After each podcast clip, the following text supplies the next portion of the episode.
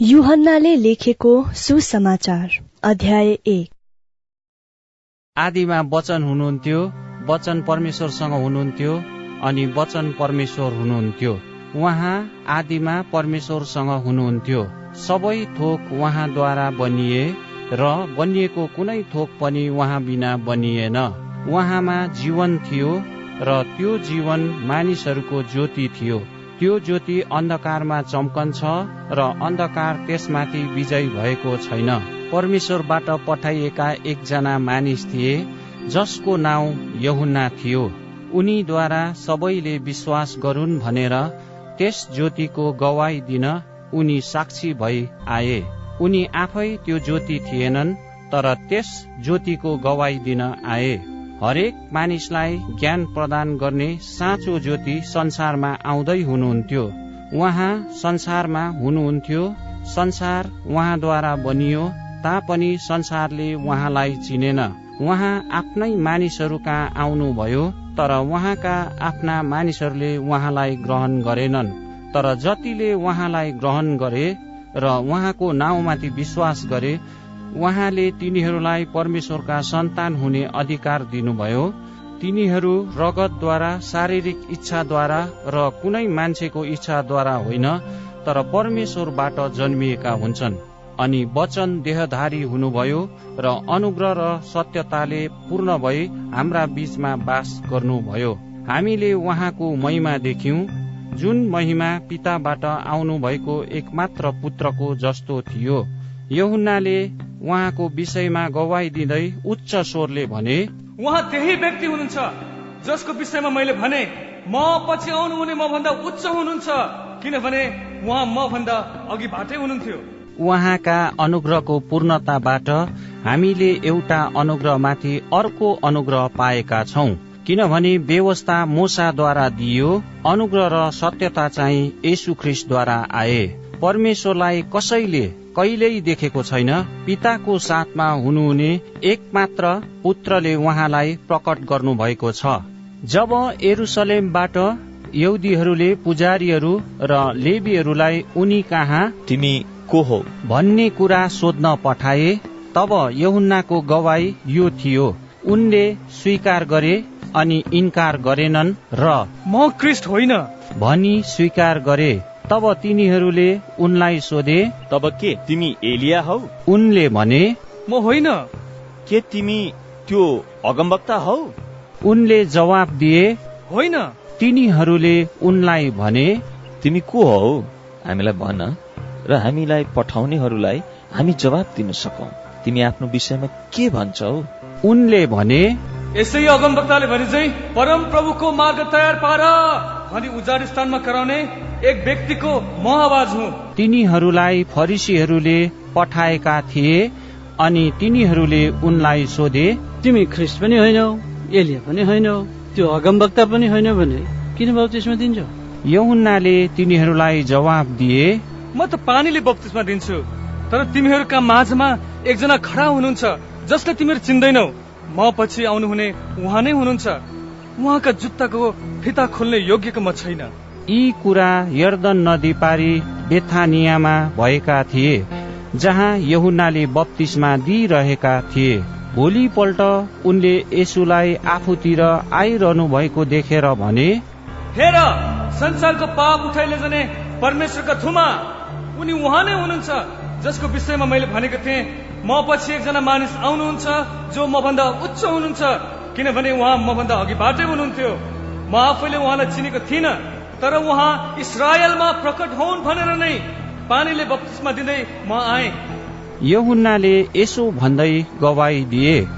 मैले पवित्र आत्मालाई ढुकुरको रूपमा स्वर्गबाट ओर्लेर आई उहाँमाथि बस्नु भएको देखेँ। मैले उहाँलाई चिनेको थिइनँ तर जसले मलाई पानीले बत्तिसमा दिनु भनी पठाउनु भयो उहाँले नै मलाई भन्नुभयो जसमाथि तिमी पवित्र आत्मालाई ओर्लदै र बस्दै गर्नुभएको देख्छौ पवित्र आत्माले बत्तिसमा दिनुहुने उहाँ नै हुनुहुन्छ। मैले देखेको छु र गवाई दिएको छु कि परमेश्वरका पुत्र उहाँ नै हुनुहुन्छ। फेरि अर्को दिन यहुन्ना उनका चेलाहरू मध्ये दुईजनासँग उभिरहेका थिए।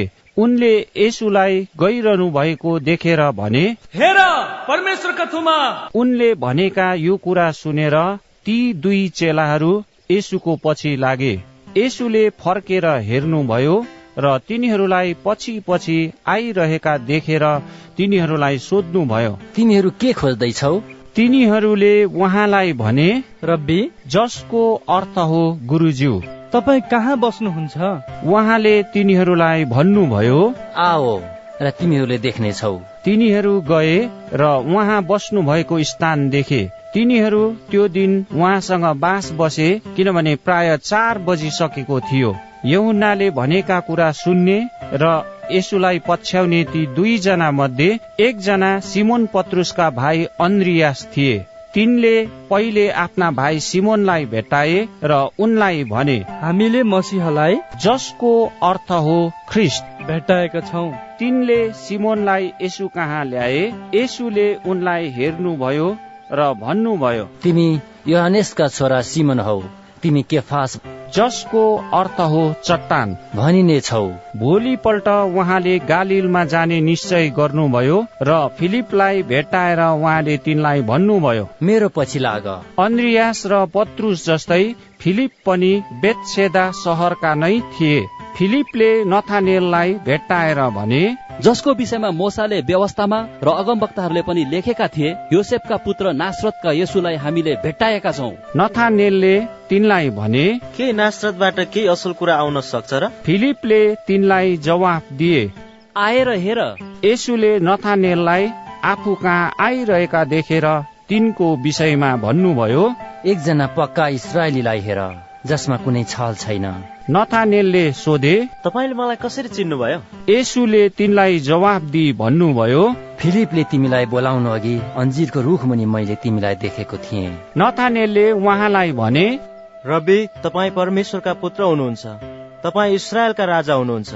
यसुले तिनलाई जवाब दिई भन्नुभयो मैले तिमीलाई अन्जिरको रुख मुनि देखे भनेकोले नै तिमी विश्वास गर्दछौ। तिमीले यी भन्दा अझ ठुला कुराहरू देख्नेछौ। अनि उहाँले तिनलाई भन्नुभयो साँच्चै म तिमीलाई भन्दछु। तिमीहरूले स्वर्ग उग्रिएको र परमेश्वरका दूतहरूलाई मानिसको पुत्रमाथि उक्लँदै र ओर्लँदै गरेका देख्नेछौ।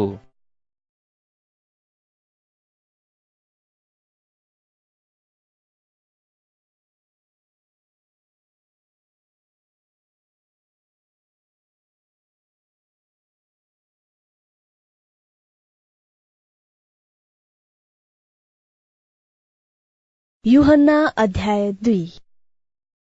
तेस्रो दिन गालिलको काना नगरमा एउटा विवाह थियो। यसुकी आमा त्यहाँ थिइन्। यसु र उहाँका चेलाहरू पनि विवाहमा निम्त्याइएका थिए। दागमध्य सिद्धिएपछि यसुकी आमाले उहाँलाई भनिन् तिनीहरूसित दागमध्य छैन। यसुले तिनलाई भन्नुभयो हे नारी मैले के गर्नुपर्छ मलाई नभन्नुहोस्। मेरो समय अझसम्म आएको छैन। उहाँकी आमाले चाकरहरूलाई भनिन् उहाँले भन्नुभयो बमोजिम तिमीहरूले गर। अब यहुदीहरूको शुद्धि हुने प्रथाको निम्ति त्यहाँ प्राय एक सय लिटर अटाउने ढुङ्गाका छवटा घ्याम्पाहरू राखिएका थिए। यसुले तिनीहरूलाई भन्नुभयो घ्याम्पाहरू पानीले भर। तिनीहरूले घ्याम्पाको मुख समय पानी भरिदिए। उहाँले तिनीहरूलाई भन्नुभयो अलिकत उघाएर भोजका मुखिया कहाँ लैजाओ। तिनीहरूले सो लगे भोजका मुखियाले त्यो पानी चाखे जो अब दागमध्यमा परिणत भएको थियो। त्यो कहाँबाट आएको हो सो तिनलाई थाहा थिएन। तर पानी भर्ने चाकरहरूलाई भने थाहा थियो। तब भोजका मुखियाले दुलहालाई बोलाएर भने हरेक मानिसले पहिले असल दाग मध्ये टक्राउँछ अनि मानिसहरूले निकै खाइसकेपछि मात्र कमसल दाग मध्ये राखिदिन्छ। तिमीले त असल दाग मध्ये अहिलेसम्म राखी छोडेछौ। उहाँका चिन्हहरू मध्ये यो पहिलो चिन्ह यसुले गालिलको कानामा गर्नुभयो। यसरी उहाँले आफ्नो महिमा प्रकट गर्नुभयो। अनि उहाँका चेलाहरूले उहाँमाथि विश्वास गरे। त्यसपछि उहाँ आफ्ना आमा भाइहरू र चेलाहरूसँग कफन हुममा जानुभयो र केही दिन त्यहाँ बस्नुभयो। यहुदीहरूको निस्तार चाड नजिकै थियो र यसु एरुसलेममा जानुभयो। उहाँले मन्दिरमा गोरु भेडा र ढुकुर बेच्नेहरू र पैसा साट्नेहरूले किनबेच गरिरहेका भेट्टाउनु भयो तब डोरीको एउटा कोर्रा बनाएर उहाँले मन्दिरबाट ती सबैलाई तिनका भेडाहरू र गोरुहरूलाई समेत मन्दिरबाट बाहिर लगार्नुभयो र पैसा साट्नेहरूको रचेकी घोप्ट्याएर तिनीहरूका टेबल पल्टाइदिनु भयो ढुकुर बेच्नेहरूलाई उहाँले भन्नुभयो यहाँबाट यी सब थोक लैजाओ। मेरा पिताको भवनलाई व्यापारको घर नतुल्याओ। उहाँका चेलाहरूलाई धर्मशास्त्रमा लेखिएको यो कुरा याद भयो। तपाईँका भवनको जोसले मलाई जलाउने छ। यहुदीहरूले उहाँलाई भने तपाईँ यी काम गर्नुहुन्छ त यिनका निम्ति हामीलाई के चिन्ह देखाउनुहुन्छ? यसुले तिनीहरूलाई जवाब दिनुभयो यस मन्दिरलाई भत्काइदियो र म तीन दिनमा यसलाई खडा गर्नेछु। तब यहुदीहरूले भने यस मन्दिरलाई निर्माण गर्न छयालिस वर्ष लाग्यो। र के तपाईँ यसलाई तिन दिनमा खडा गर्न सक्नुहुन्छ र? तर जुन मन्दिरको विषयमा उहाँ बोल्नु भएको थियो त्यो उहाँको शरीर थियो। जब उहाँ मृतकबाट उठाइनु भयो तब यसुले भन्नुभएको यो कुरा चेलाहरूलाई स्मरण भयो र तिनीहरूले धर्मशास्त्रमाथि र यसुले बोल्नु भएको वचनमाथि विश्वास गरे। जब उहाँ निस्तार चाडका भोजको बेला एरुसलेममा हुनुहुन्थ्यो तब उहाँले गर्नुभएका चिन्हहरू देखेर धेरैले उहाँको नाउँमा विश्वास गरे। तर यसुले आफैलाई तिनीहरूका भरमा छोड्नु भएन किनकि मानिस के हो भनी उहाँ जान्नुहुन्थ्यो। उहाँलाई मानिसको विषयमा कसैले सिकाउनु आवश्यक थिएन किनकि मानिसको हृदयमा के हुन्छ सो उहाँ स्वयं जान्नुहुन्थ्यो।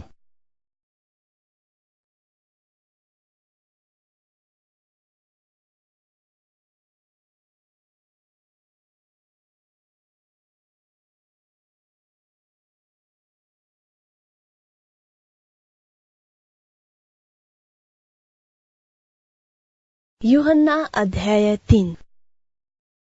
फरिसीहरू मध्ये निकोदेमस नाउँ भएका एकजना मानिस थिए। तिनी यहुदीहरूका महासभाका एक सदस्य थिए। यिनी राति यसुका आए र उहाँलाई भने गुरुज्यू हामी जान्दछौ। तपाईँ परमेश्वरबाट आउनु भएको शिक्षक हुनुहुन्छ। किनकि परमेश्वर साथमा हुनु भएन भने तपाईँले गर्नुभएका यी चिन्हहरू कसैले गर्न सक्दैन। यसुले तिनलाई जवाब दिनुभयो साँच्चै म तिमीलाई भन्दछु। कोही नयाँ गरी जन्मेन भने उसले परमेश्वरको राज्य देख्न सक्दैन। निकोदेमसले उहाँलाई भने मानिस बुढो भएपछि कसरी जन्मन सक्छ र के त्यो आफ्नै आमाको कोखमा दोस्रो चोटि पसेर जन्मन सक्छ? यसुले जवाब दिनुभयो साँच्चै म तिमीलाई भन्दछु। कोही पानी र आत्माद्वारा जन्मेन भने परमेश्वरको राज्यमा पस्न सक्दैन। शरीरबाट जन्मेको शरीर हो। र पवित्र आत्माबाट जन्मेको आत्मा हो। मैले तिमीलाई नयाँ गरी जन्मनु पर्छ भन्दा अचम्म नमान। बतास जता चाहन्छ उतै बहन्छ। तिमी बतासको आवाज सुन्छौ। तर त्यो कहाँबाट आउँछ र कता जान्छ त्यो जान्दैनौ। आत्माबाट जन्मेको हरेक व्यक्ति त्यस्तै हुन्छ। निकोदेमसले उहाँलाई सोधे यो कसरी हुन सक्दछ? यसुले तिनलाई जवाब दिनुभयो। तिमी इसरायलका गुरु हौ र पनि यी कुरा बुझ्दैनौ। साँच्चै म तिमीलाई भन्दछु। हामी जे जान्दछौ त्यो भन्दछौ। र हामीले जे देखेका छौं त्यसको गवाई दिन्छौ। तर तिमीहरू हाम्रो गवाई स्वीकार गर्दैनौ। मैले तिमीहरूलाई पृथ्वीका कुरा भने र पनि तिमीहरू विश्वास गर्दैनौ। त तिमीहरूलाई स्वर्गका कुरा बताए भने कसरी विश्वास गर्न सक्छौ? स्वर्गबाट ओली आउने मानिसको पुत्र बाहेक कोही पनि स्वर्गमा उक्लेको छैन।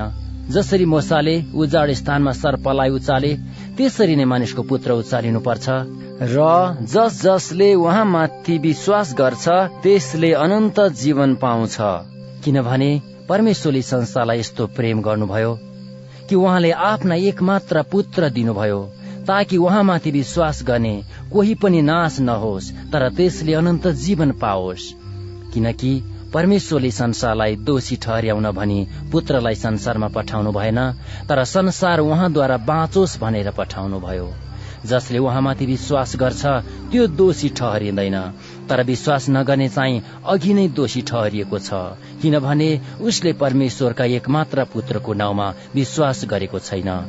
फैसला चाहिँ यही हो ज्योति संसारमा आएको छ र मानिसहरूले ज्योति भन्दा बरु अन्धकारलाई रुचाए किनकि तिमीहरूका काम दुष्ट थिए।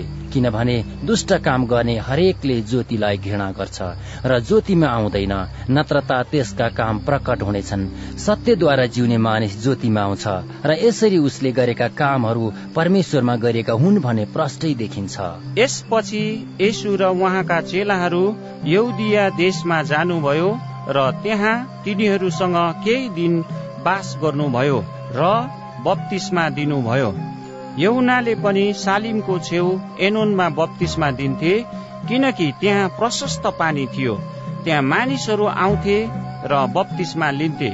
त्यस बेलासम्म यहुना झ्यालखानमा परेका थिएनन्। त्यसै बेला यहुनाका चेलाहरूको एउटा यौदीसँग शुद्धिकरणको विषयमा वाद विवाद भयो। यहुना कहाँ आएर तिनीहरूले उनलाई भने गुरुज्यू यर्दन पारी जो तपाईँसँग हुनुहुन्थ्यो जसको बारेमा तपाईँले गवाई दिनुभयो हेर्नुहोस् उहाँले बत्तिसमा दिइरहनु भएको छ र सबै उहाँ कहाँ जाँदैछन्।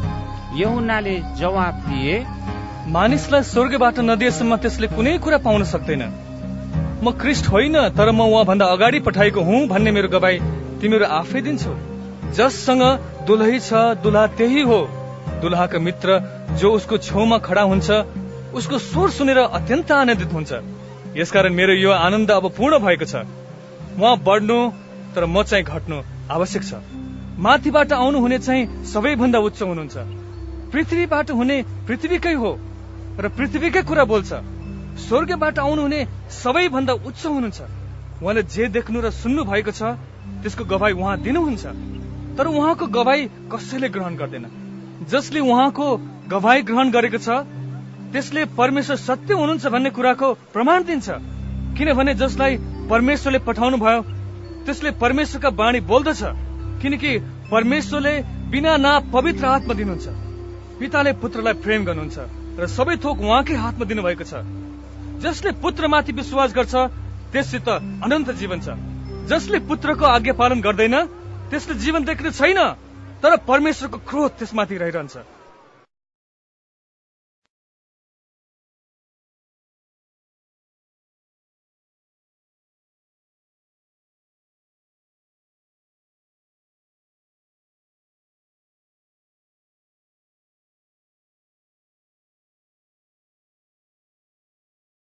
युहन्ना अध्याय चार। यहुनाले भन्दा यसुले धेरै चेलाहरू बनाउँदै हुनुहुन्छ र बत्तिसमा पनि दिँदै हुनुहुन्छ भन्ने फरिसीहरूले सुने। वास्तवमा यसु आफैले त होइन तर उहाँका चेलाहरूले बत्तिसमा दिन्थे। जब यसुले यो थाहा पाउनुभयो उहाँ यौदिया छोडेर फेरि गालिलमा फर्कनु भयो उहाँलाई सामरिया भएर जानु पर्थ्यो र उहाँ सामरियाको सुखार भनिने नगरमा आइपुग्नु भयो यो नगर चाहिँ याकुबले आफ्ना छोरा योसेफलाई दिएका जमिनको नजिकै पर्थ्यो। त्यहाँ याकुबको इनार थियो। यसु यात्राले थाक्नु भएका हुनाले त्यस इनारको छेउमा बसिरहनु भएको थियो। प्राय मध्याह भएको थियो। एउटी सामरी स्त्री पानी भर्न त्यहाँ आई। यसुले त्यसलाई भन्नुभयो मलाई पानी पिउन देऊ। उहाँका चेलाहरू सहरमा खानेकुरा किन्न गएका थिए। तब सामरी स्त्रीले उहाँलाई भनी तपाईँ यहुदी भएर म सामरी स्त्रीको हातबाट कसरी पानी पिउनुहुन्छ? यहुदीहरूले सामरीहरूसँग केही सम्बन्ध राख्दैनन्। यसुले त्यसलाई भन्नुभयो तिमीले परमेश्वरको वरदान र तिमीसँग पानी माग्ने व्यक्तिलाई चिनेकी भए तिमीले उसलाई माग्ने थियौ र उसले तिमीलाई जिउँदो पानी दिने थियो। त्यस स्त्रीले उहाँलाई भनी हजुर तपाईँसित उगाउने भाँडो छैन र इनार पनि गहिरो छ। तब तपाईँले कहाँबाट त्यो जिउँदो पानी ल्याउनुहुन्छ? के तपाईँ हाम्रा पुर्खा याकुब भन्दा ठुला हुनुहुन्छ? उनले हामीलाई यो इनार बनाइदिए र उनी आफैले उनका सन्तान र उनका गाई बस्तुले यही इनारको पानी पिए। यसुले त्यसलाई भन्नुभयो यो पानी पिउने प्रत्येक फेरि तिर्खाउने छ तर जस जसले मैले दिने पानी पिउँछ त्यो कहिल्यै तिर्खाउने छैन। जुन पानी म त्यसलाई दिनेछु त्यो त्यसमा अनन्त जीवनको निम्ति उम्रिरहने पानीको मूल बन्नेछ। त्यस स्त्रीले उहाँलाई भनी हजुर मलाई त्यही पानी दिनुहोस्। र म तिर्खाउने छैन र यहाँ पानी भर्न आइरहनु पर्दैन। यसुले त्यसलाई भन्नुभयो जाऊ तिम्रा लोग्नेलाई बोलाएर ल्याऊ। त्यस स्त्रीले भनी मेरो लोग्ने छैन। यसुले त्यसलाई भन्नुभयो तिम्रो लोग्ने छैन भने तिमीले ठिक्कै भन्यौ। किनभने तिम्रा पाँचजना लोग्ने भइसकेका छन्। र जो अहिले तिमीसँग छ त्यो तिम्रो लोग्ने होइन। तिमीले यो साँचो भनेकी हौ। त्यस स्त्रीले उहाँलाई भनी हजुर तपाईँ अगमवक्ता हुनुहुन्छ भने म थाहा पाउँछु। हाम्रा पुर्खाहरूले यस डाँडामा आराधना गरे अनि तपाईँहरू भन्नुहुन्छ कि आराधना गर्ने स्थान एरुसलम हो। यसुले त्यसलाई भन्नुभयो ए नारी मलाई विश्वास गर। त्यो बेला आउँदैछ जब तिमीहरू न त यस डाँडामा न एरुसेलमा पिताको आराधना गर्नेछौ। तिमीहरू जे आराधना गर्दछौ सो जान्दैनौ। हामी जे आराधना गर्दछौ सो जान्दछौ। किनभने मुक्ति चाहिँ यहुदीहरूबाट आउँछ। तर बेला आइरहेछ र त्यो बेला अहिले हो जब सच्चा आराधकहरूले पितालाई आत्मा र सत्यतामा आराधना गर्नेछन्। किनकि आराधना गर्ने यस्तै आराधकहरूलाई नै पिताले खोज्नुहुन्छ। परमेश्वर आत्मा हुनुहुन्छ र उहाँका आराधकहरूले आत्मा र सत्यतामा आराधना गर्नुपर्छ। त्यस स्त्रीले उहाँलाई भनी म जान्दछु कि मसिह आउनुहुन्छ। जसलाई ख्रिस्ट भनिन्छ। र जब उहाँ आउनुहुन्छ तब उहाँले नै हामीलाई सबै कुरा बताउनु हुनेछ यसुले त्यसलाई भन्नुभयो तिमीसँग बोल्ने म उही हुँ। त्यति नै बेला उहाँका चेलाहरू आए र उहाँलाई एउटी स्त्रीसँग कुरा गरिरहनु भएको देखेर छक्क परे। तर तपाईँ के चाहनुहुन्छ? अथवा तपाईँ त्यस स्त्रीसँग किन बातचित गर्दै हुनुहुन्छ? भनेर कसैले सोधेनन् तब त्यो स्त्री आफ्नो गाग्रो छोडेर नगरतिर गई र मानिसहरूलाई भनी आओ एकजना मानिसलाई हेर। जसले मैले गरेका सबै काम मलाई बताइदिनु भयो कतै उहाँ नै ख्रिस्त हुनुहुन्न? तब तिनीहरू नगरबाट निस्केर उहाँ कहाँ गए? यसै बीचमा चेलाहरूले उहाँलाई यसो भनेर बिन्ती गरे रब्बी भोजन गर्नुहोस्। तर उहाँले तिनीहरूलाई भन्नुभयो मसित खानलाई भोजन छ जो तिमीहरूलाई थाहा छैन। यसकारण चेलाहरूले आपसमा भने के कसैले उहाँलाई भोजन ल्याइदियो कि कसो हो? यसुले तिनीहरूलाई भन्नुभयो मलाई पठाउनु हुनेको इच्छा अनुसार गर्नु र उहाँको काम पूरा गर्नु नै मेरो भोजन हो। के तिमीहरू भन्दैनौ अझ चार महिना बाँकी छ तब बाली काट्ने बेला आउँछ। म तिमीहरूलाई भन्दछु आफ्ना आँखा उचालेर खेत बारी हेर। बाली कटनीको निम्ति पाकिसकेको छ जसले बाली काट्छ त्यसले ज्याला पाउँछ र अनन्त जीवनको लागि फल बटुल्छ र छर्ने र कटनी गर्ने एकसाथ रमाउँछन्। किनकि एकजनाले छर्छ र अर्काले कटनी गर्छ भन्ने वचन यसैमा सत्य हुन्छ। मैले तिमीहरूलाई त्यहाँ कटनी गर्न पठाएँ जहाँ तिमीहरूले परिश्रम गरेका छैनौ। अरूहरूले परिश्रम गरेका छन् र तिनीहरूको परिश्रमका फल तिमीहरूले पाएका छौ।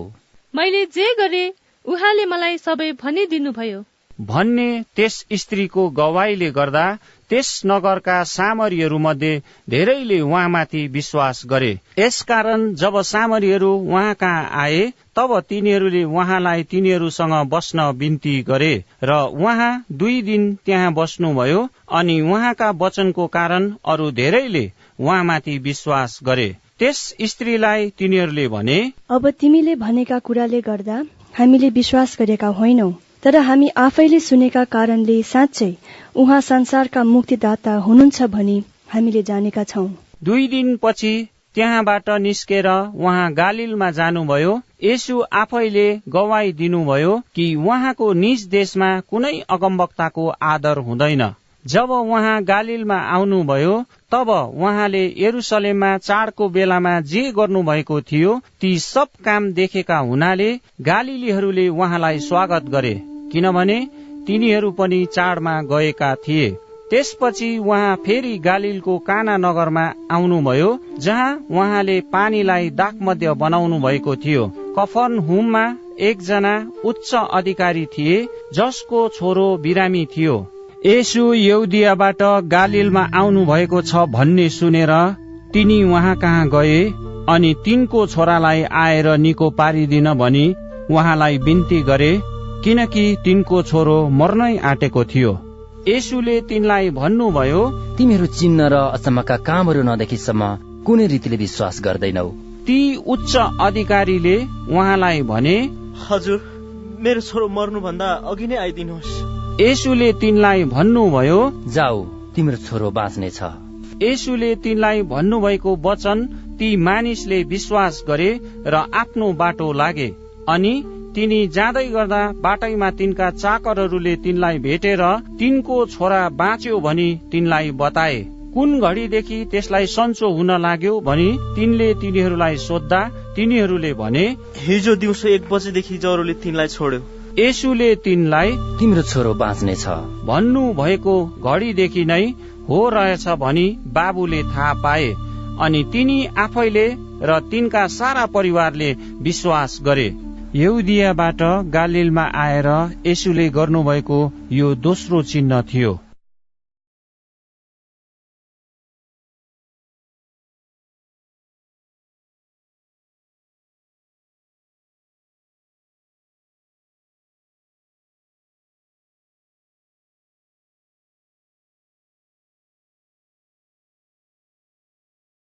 युहन्ना अध्याय पाँच।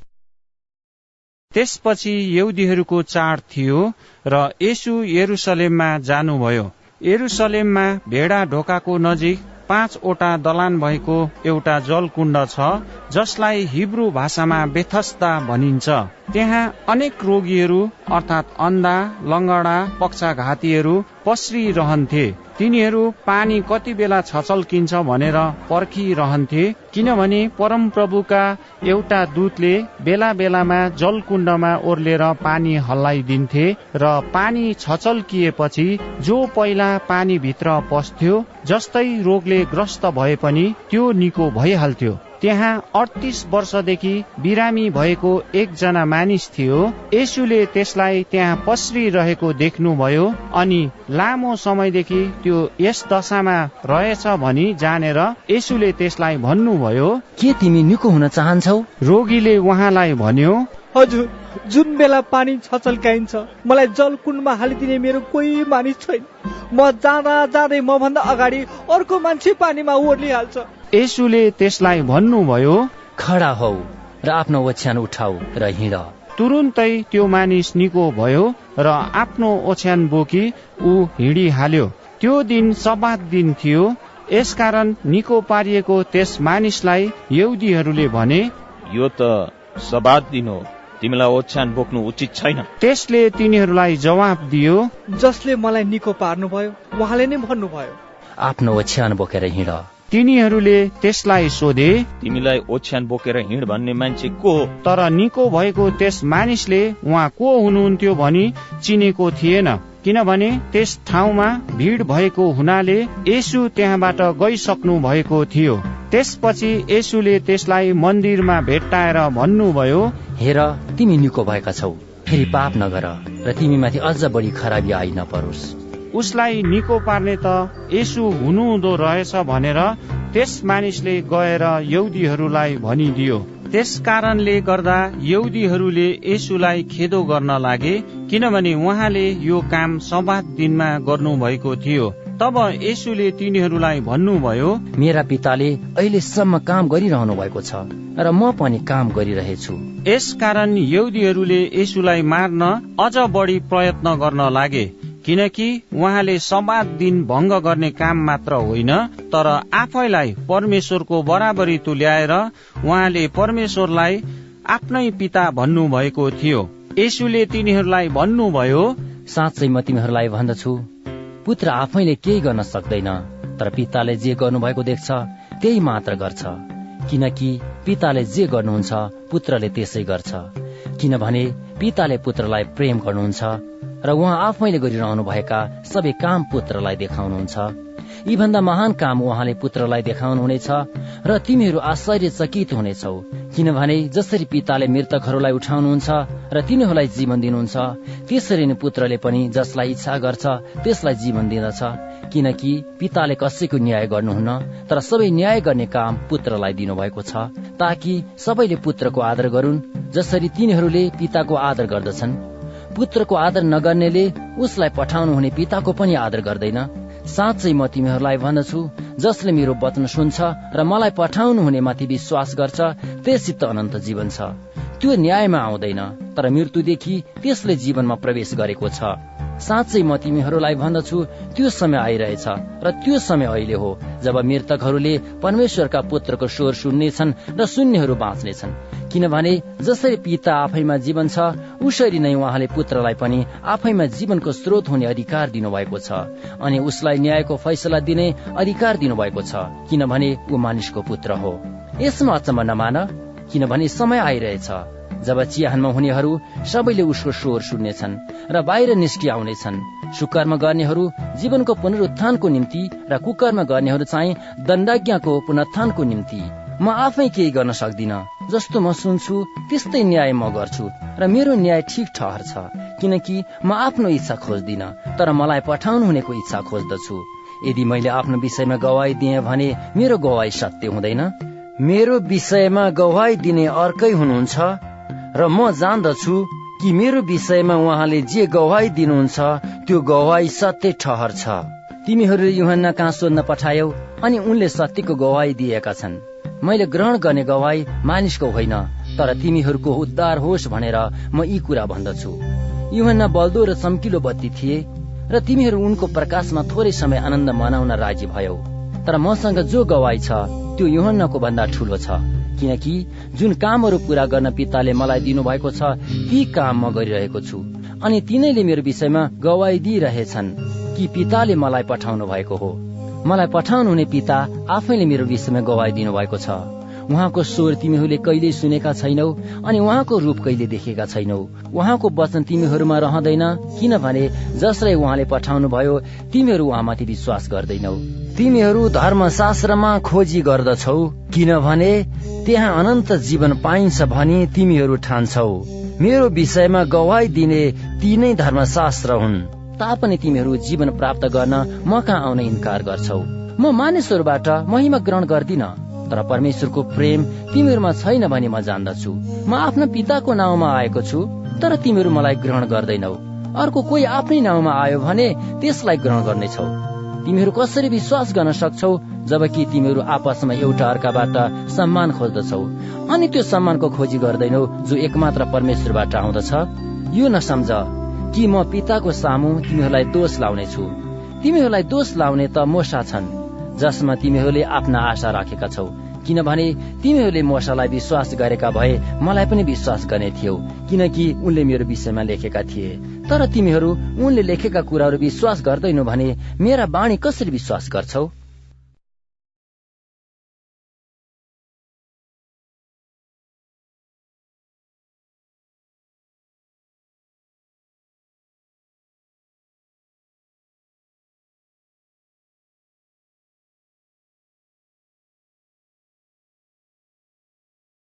युहन्ना अध्याय छ।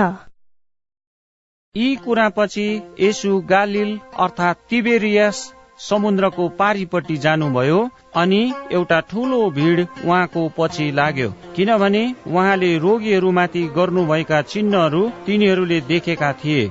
यसु डाँडामाथि जानुभयो र आफ्ना चेलाहरूसँग त्यहाँ बस्नुभयो। यहुदीहरूको चाड अर्थात् निस्तार चाड नजिक थियो। तब यसुले आफ्ना चारैतिर हेर्दा एउटा ठुलो भिड आफू कहाँ आइरहेको देखेर फिलिपलाई भन्नुभयो यिनीहरूलाई खुवाउनका निम्ति हामीहरूले कहाँबाट रोटी किन्ने? उहाँले तिनको जाँच गर्नलाई यो भन्नुभएको थियो। किनभने उहाँले जे गर्न लाग्नु भएको थियो सो उहाँलाई थाहा थियो। फिलिपले उहाँलाई जवाब दिए प्रत्येकले अलिअलि पाए तापनि दुई सय चाँदीका सिक्काको रोटीले तिनीहरूलाई पुग्ने छैन। उहाँका चेलाहरू मध्ये एकजना सिमोन पत्रुसका भाइ अन्द्रियासले भने यहाँ एउटा ठिटो छ। त्यससँग जौका पाँच रोटी र दुई माछा छन्। तर यति धेरैका निम्ति यतिले के पुग्ला र? यसुले भन्नुभयो मानिसहरूलाई बस्न लाओ। त्यहाँ धेरै घाँस भएको चौर थियो। तब प्राय पाँच हजार पुरुषहरू त्यहाँ बसे। तब यसुले रोटी लिनुभयो। र परमेश्वरलाई धन्यवाद चढाउनु भएपछि बस्नेहरूलाई बाँडी दिनुभयो र त्यसै गरी माछा पनि बाँडी दिनुभयो। तिनीहरूले चाहे जति खाए अनि जब तिनीहरूले भरपेट खाए उहाँले आफ्ना चेलाहरूलाई भन्नुभयो उब्रेका टुक्राहरू बटुल। र केही नष्ट नहोस्। खानेहरूले उबारेका जौका ती पाँच रोटीका टुक्राहरू तिनीहरूले बटुले र बाह्र डाला भरे। यसकारण उहाँले गर्नुभएको यो चिन्ह देखेर ती मानिसहरूले भने संसारमा आउने अगमवक्ता साँच्चै उहाँ नै हुनुहुँदो रहेछ। तिनीहरू आएर उहाँलाई बल जफ्तीसँग लगी राजा बनाउन खोज्दैछन् भन्ने थाहा पाएर यसु फेरि एक्लै डाँडामा जानुभयो।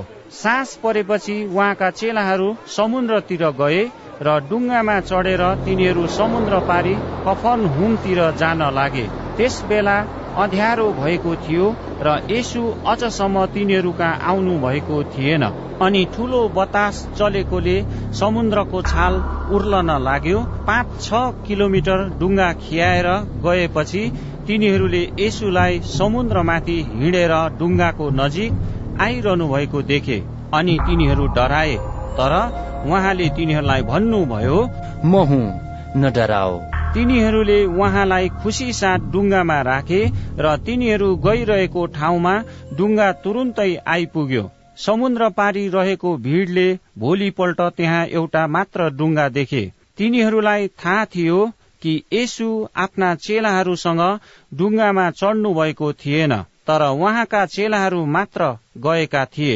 तब तिबेरियासबाट अरू डुङ्गाहरू त्यस ठाउँको नजिक आए जहाँ प्रभुले धन्यवाद चढाएपछि तिनीहरूले रोटी खाएका थिए। यसु र उहाँका चेलाहरू त्यहाँ नहुनु भएको थाहा पाएर ती मानिसहरू यसुलाई खोज्दै डुङ्गाहरूमा चढेर कफन हुममा गए। तिनीहरूले उहाँलाई समुद्र पारी भेट्टाएर उहाँलाई सोधे रवि तपाईँ यहाँ कहिले आउनुभयो? यसुले तिनीहरूलाई जवाब दिई भन्नुभयो साँच्चै म तिमीहरूलाई भन्दछु। तिमीहरू चिन्हहरू देखेर होइन तर अघाउन्जेल रोटी खाएको कारणले मलाई खोज्दछौ। नष्ट हुने भोजनको निम्ति परिश्रम नगर तर अनन्त जीवनसम्म रहने भोजनको निम्ति परिश्रम गर। जो मानिसको पुत्रले तिमीहरूलाई दिनेछ किनभने परमेश्वर पिताले उसमाथि आफ्नो छाप लगाउनु भएको छ। तिनीहरूले उहाँलाई भने परमेश्वरले चाहनु भएको काम गर्नलाई हामीले के गर्नुपर्छ? यसुले तिनीहरूलाई भन्नुभयो परमेश्वरको काम यही हो। जसलाई उहाँले पठाउनु भयो उसमाथि विश्वास गर। यस कारण तिनीहरूले उहाँलाई भने तपाईँ के चिन्ह देखाउनुहुन्छ? सो हामी हेरौँ र तपाईँलाई विश्वास गरौँ। तपाईँ के गर्नुहुन्छ? हाम्रा पिता पुर्खाले उजाड स्थानमा मन्न खाए जसरी लेखिएको छ उहाँले तिनीहरूलाई खानलाई स्वर्गबाट रोटी दिनुभयो यसुले तिनीहरूलाई भन्नुभयो साँच्चै म तिमीहरूलाई भन्दछु। तिमीहरूलाई स्वर्गबाट रोटी दिने मोसा होइनन्। तर स्वर्गबाट तिमीहरूलाई साँचो रोटी दिनुहुने मेरा पिता हुनुहुन्छ। किनभने परमेश्वरको रोटी त्यही हो जो स्वर्गबाट ओर्याउँछ र संसारलाई जीवन दिन्छ। तिनीहरूले उहाँलाई भने प्रभु यो रोटी हामीलाई सधैँ दिनुहोस्। यसुले तिनीहरूलाई भन्नुभयो जीवनको रोटी म हुँ। म कहाँ आउने भोकाउने छैन र ममाथि विश्वास गर्ने कहिल्यै तिर्खाउने छैन। तर मैले तिमीहरूलाई भनेकै छु तिमीहरूले मलाई देखेका छौ र पनि विश्वास गर्दैनौ। पिताले मलाई दिनुहुने सबै म कहाँ आउनेछन् र म कहाँ आउनेलाई कुनै रीतिले म त्याग्ने छैन। आफ्नो इच्छा पूरा गर्न म स्वर्गबाट ओर्ली होइन तर मलाई पठाउनु हुनेको इच्छा पूरा गर्नलाई आएको हुँ। र मलाई पठाउनु हुनेको इच्छा यो हो कि उहाँले मलाई दिनुभएकाहरू मध्ये कसैलाई पनि म नगुमाऊ तर तिनीहरूलाई अन्त्यको दिनमा जीवित पारू। किनभने मेरा पिताको इच्छा यो हो कि पुत्रलाई हेर्ने र उसमाथि विश्वास गर्ने प्रत्येकले अनन्त जीवन प्राप्त गरोस् र म त्यसलाई अन्त्यको दिनमा जीवित पार्नेछु। यहुदीहरू उहाँको विरुद्धमा गनगनाउन लागे किनभने उहाँले भन्नुभयो स्वर्गबाट ओर्ल्याएको रोटी म नै हुँ। तिनीहरूले भने के यो योसबको छोरो यसो होइन? यसका बाबु र आमालाई हामी चिन्दैनौ र? अहिले यसले कसरी म स्वर्गबाट ओर्ली आएको हुँ भनी भन्दछ। यसुले तिनीहरूलाई जवाब दिनुभयो तिमीहरू आपसमा नगनगनाओ। मलाई पठाउनु हुने पिताले खिच्नु भएन भने कोही म कहाँ आउन सक्दैन र म त्यसलाई अन्त्यको दिनमा जीवित पार्नेछु। अनि ती सबैजना परमेश्वरद्वारा सिकाइनेछन् भने अगमवक्ताहरूका पुस्तकमा लेखिएको छ प्रत्येक जसले पिताबाट सुन्छ र सिक्छ त्यो म कहाँ आउँछ। पितालाई कुनै मानिसले देखेको छैन। केवल उसले मात्र देखेको छ जो परमेश्वरबाट आएको हो। उसैले पितालाई देखेको छ साँच्चै म तिमीहरूलाई भन्दछु। जसले विश्वास गर्छ त्यससित अनन्त जीवन छ। म जीवनको रोटी हुँ। तिमीहरूका पिता पुर्खाहरूले उजाड स्थानमा मन्न खाए तापनि तिनीहरू मरेर गए। स्वर्गबाट ओर्ली आउने रोटी यही हो। जसले यो खान्छ त्यो मर्ने छैन। स्वर्गबाट ओर्ली आएको जिउँदो रोटी म नै हुँ। कसैले यो रोटी खायो भने त्यो सधैँभरि जिउनेछ र जुन रोटी म संसारका जीवनको लागि दिनेछु त्यो चाहिँ मेरो देह हो। तब यहुदीहरू आपसमा बहस गर्न लागे। यस मानिसले कसरी हामीलाई आफ्नो देह खाना दिन सक्छ? यसुले तिनीहरूलाई भन्नुभयो साँच्चै म तिमीहरूलाई भन्दछु तिमीहरूले मानिसको पुत्रको देह खाएनौ र उसको रगत पिएनौ भने तिमीहरूमा जीवन हुँदैन। मेरो देह खाने र मेरो रगत पिउनेसित अनन्त जीवन छ। र अन्त्यको दिनमा म त्यसलाई जीवित पार्नेछु। किनभने मेरो देह साँच्चै खाने कुरो हो र मेरो रगत साँच्चै पिउने कुरो हो। मेरो देह खाने र मेरो रगत पिउने चाहिँ ममा रहन्छ र म त्यसमा रहन्छु। जसरी जीवित पिताले मलाई पठाउनु भयो र म पिताको कारणले जिउँछु त्यसै गरी मलाई खाने पनि मेरो कारणले जिउनेछ। स्वर्गबाट आएको यो रोटी त्यस्तो होइन। जो पिता पुर्खाहरूले खाए तापनि मरेर गए। यो रोटी खाने चाहिँ सधैँभरि जिउनेछ। उहाँले यी कुरा कफन हुमको सभाघरमा शिक्षा दिँदा भन्नुभएको हो।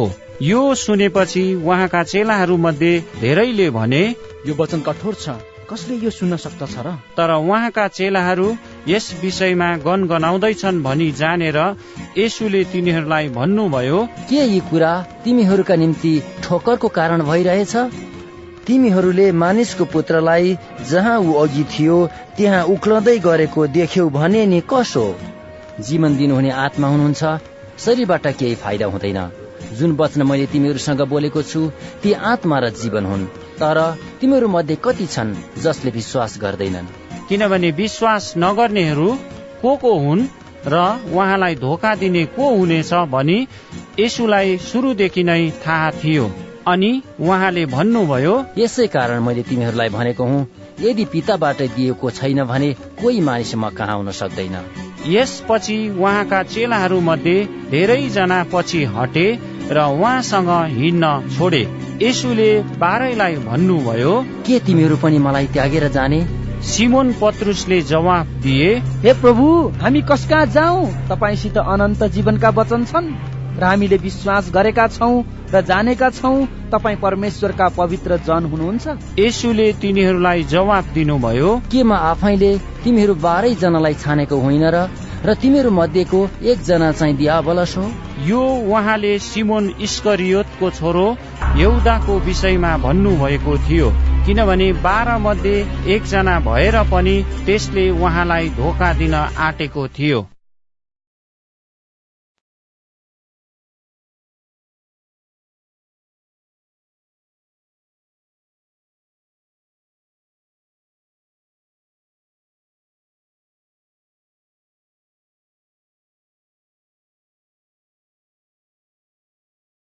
युहन्ना अध्याय सात।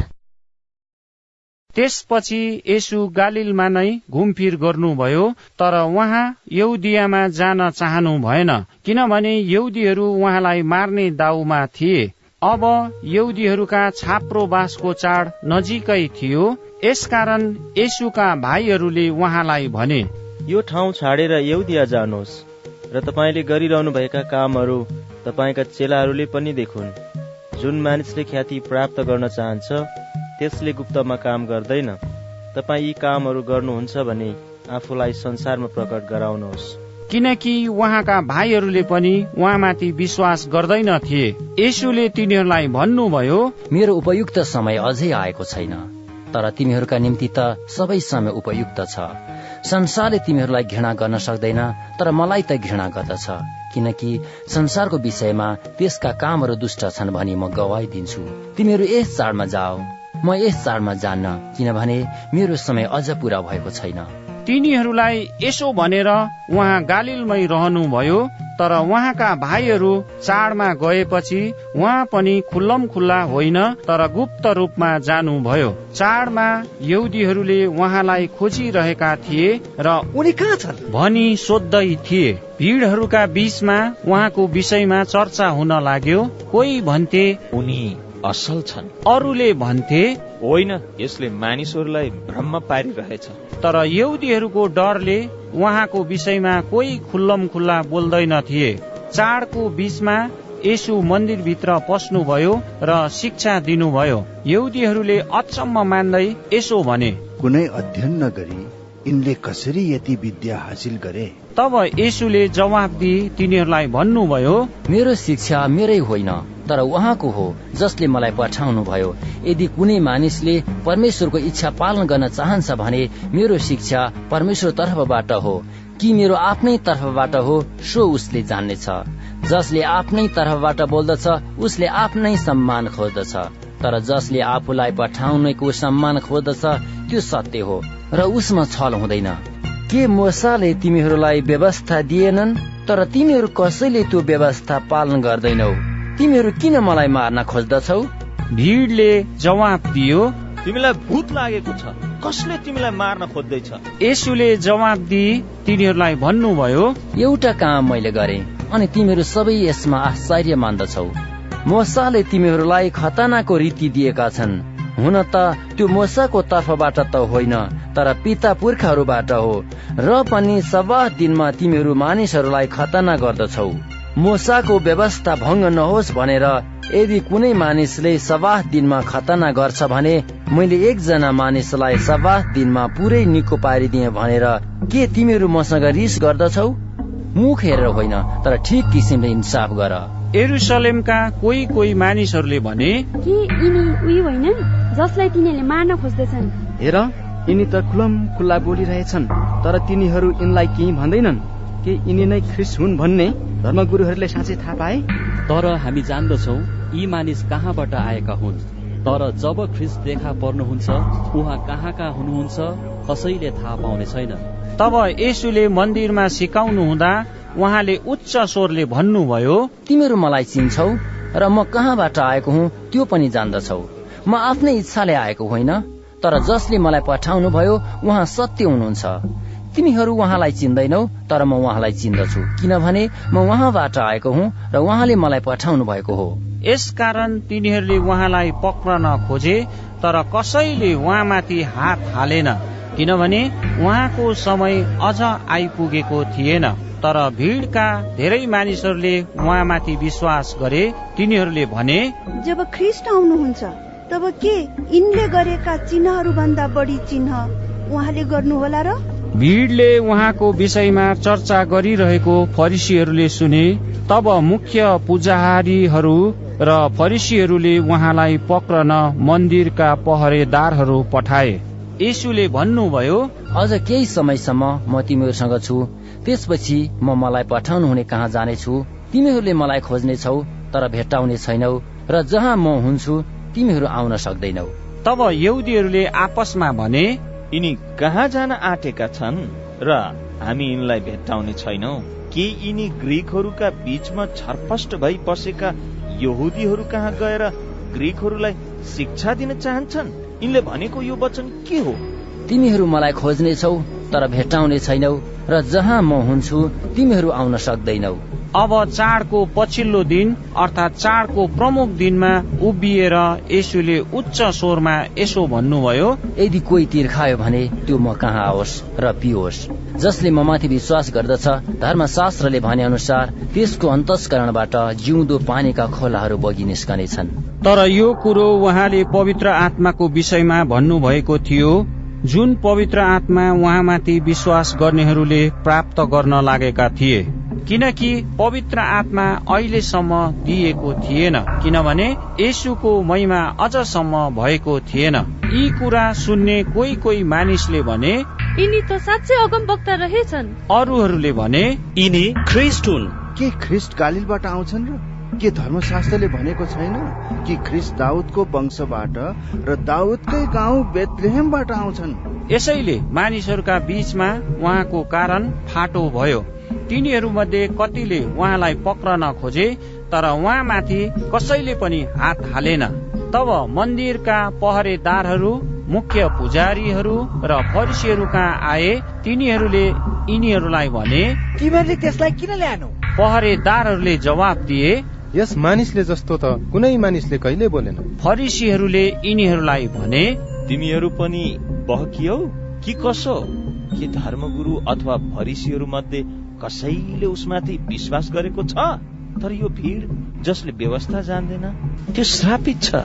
तिनीहरू मध्ये एकजना निकोदेमस जो पहिले एकपल्ट यसुका आएका थिए तिनले भने के हाम्रो व्यवस्थाले पहिले मानिसको सुनवाई नभई र त्यसले के गरेको छ?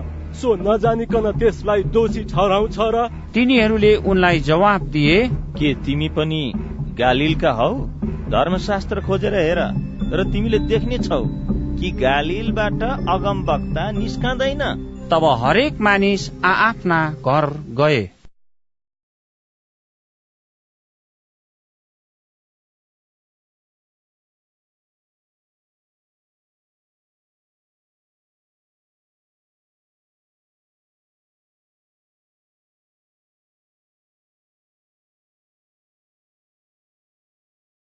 युहन्ना अध्याय आठ। तर यसु जैतुन डाँडामा जानुभयो उहाँ एका बिहानै फेरि मन्दिरमा जानुभयो र सबै मानिसहरू उहाँ कहाँ आए र उहाँ बस्नुभयो र तिनीहरूलाई शिक्षा दिनुभयो। शास्त्री र फरिसीहरूले बेविचारमा पक्राउ परेकी एउटी स्त्रीलाई ल्याए र त्यसलाई माझमा उभ्याए। तिनीहरूले उहाँलाई भने गुरुज्यू यो स्त्री बेविचारको कर्ममा पक्राउ परे। व्यवस्थामा मोसाले यस्ताहरूलाई ढुङ्गाले हान्ने हामीलाई आज्ञा दिएका छन्। तपाईँ यसको बारेमा के भन्नुहुन्छ? तर तिनीहरूले उहाँको जाँच गर्नलाई र उहाँमाथि अभियोग लाउन सकिन्छ कि भनी यसो भनेका थिए। यसुले निहुरेर भुइँमा औलाले लेख्नुभयो तर जब तिनीहरूले उहाँलाई सोधि नै रहे तब उहाँले खडा भएर तिनीहरूलाई भन्नुभयो तिमीहरूमा जो पाप रहेछ त्यसैले त्यस स्त्रीलाई पहिले ढुङ्गा हानोस्। अनि फेरि निहुरेर उहाँले भुइँमा औलाले लेख्नुभयो तर जब तिनीहरूले यो सुने तब ठुलादेखि सुरु गरी सानासम्म एक एक गरेर गए र यसु त्यस स्त्रीसँग एक्लै छोडिनु भयो अनि त्यो स्त्री चाहिँ उहाँको अघि उभि रही यसुले त्यस स्त्रीलाई हेरेर भन्नुभयो ए नारी तिनीहरू कहाँ गए? के कसैले तिमीलाई दण्ड दिएन? त्यसले भनी प्रभु कसैले दिएन? यसुले भन्नुभयो म पनि तिमीलाई दण्ड दिन्न। जाऊ अनि फेरि पाप नगर। यसुले फेरि तिनीहरूलाई भन्नुभयो म संसारको ज्योति हुँ। मलाई पछ्याउने अन्धकारमा हिँडुल गर्ने छैन तर त्यसले जीवनको ज्योति पाउनेछ। तब फरिसीहरूले उहाँलाई भने तिमी आफ्नै विषयमा गवाई दिइरहेछौ। तिम्रो गवाई सत्य ठहर्दैन। यसुले जवाब दिनुभयो म आफ्नै विषयमा गवाई दिन्छु तापनि मेरो गवाई सत्य छ। म जान्दछु म कहाँबाट आएको हुँ र म कहाँ गइरहेछु? तर तिमीहरू जान्दैनौ म कहाँबाट आउँछु वा कहाँ गइरहेछु। तिमीहरू मानव दृष्टिले न्याय गर्दछौ म कसैको न्याय गर्दिन। मैले न्याय गरे भने पनि मेरो न्याय सत्य ठहरिन्छ किनभने न्याय गर्ने म एक्लै छैन तर म छु र मलाई पठाउनु हुने पिता हुनुहुन्छ। तिनीहरूको व्यवस्थामा पनि दुई मानिसको गवाई सत्य ठहरिन्छ भनी लेखिएको छ। आफ्नो विषयमा म आफै गवाई दिन्छु र मलाई पठाउनु हुने पिताले मेरो विषयमा गवाई दिनुहुन्छ। तिनीहरूले उहाँलाई भने तिम्रा पिता कहाँ छ यसुले जवाब दिनुभयो तिमीहरू न त मलाई चिन्छौ न मेरा पितालाई। तिमीहरूले मलाई चिनेका भए मेरा पितालाई पनि चिन्ने थियौ। यी कुरा उहाँले मन्दिरमा शिक्षा दिनुहुँदा भेटी चढाउने ढुकुटीको छेउमा भन्नुभएको हो। अनि कसैले उहाँलाई पक्रेन किनभने उहाँको समय अझ आएको थिएन। उहाँले फेरि तिनीहरूलाई भन्नुभयो म गइहाल्छु र तिमीहरूले मलाई खोज्नेछौ र तिमीहरू आफ्नो पापमा मर्नेछौ। जहाँ म जान्छु तिमीहरू आउन सक्दैनौ।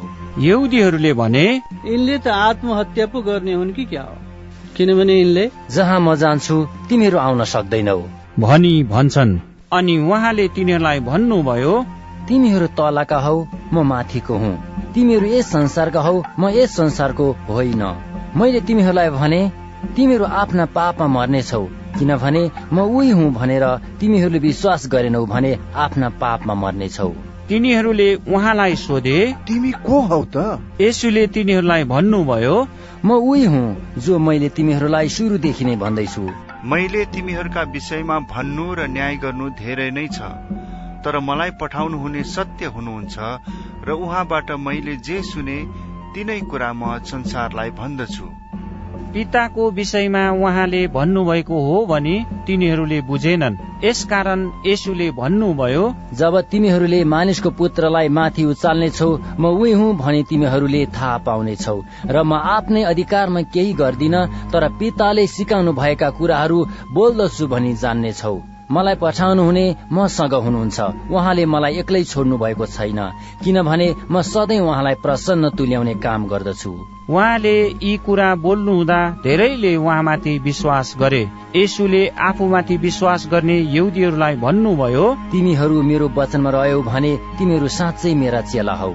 तब तिमीहरूले सत्य के हो सो जान्नेछौ र सत्यले तिमीहरूलाई स्वतन्त्र तुल्याउनेछ। तिनीहरूले उहाँलाई जवाब दिए हामी अब्राहमका सन्तान हौ र अहिलेसम्म कसैको दासत्वमा परेका छैनौ। तिमीहरू स्वतन्त्र हुनेछौ भनी कसरी भन्छौ? यसुले तिनीहरूलाई जवाब दिनुभयो साँच्चै म तिमीहरूलाई भन्दछु पाप गर्ने प्रत्येक पापको कमारो हो। कमारो सधैँभरि घरमा रहँदैन। तर पुत्र चाहिँ सधैँभरि घरमा रहन्छ। यसकारण पुत्रले तिमीहरूलाई स्वतन्त्र गरायो भने तिमीहरू निश्चय स्वतन्त्र हुनेछौ। म जान्दछु तिमीहरू अब्राहमका सन्तान हौ तर तिमीहरू मलाई मार्न खोज्दछौ किनभने मेरो वचनले तिमीहरूमा स्थान पाउँदैन। जे जे मैले मेरा पिताको उपस्थितिमा देखेको छु त्यही म भन्दछु। तिमीहरूले पनि जे तिमीहरूका पिताबाट सुनेका छौ त्यही गर्दछौ। तिनीहरूले उहाँलाई भने हाम्रा पिता त अब्राहम हुन्।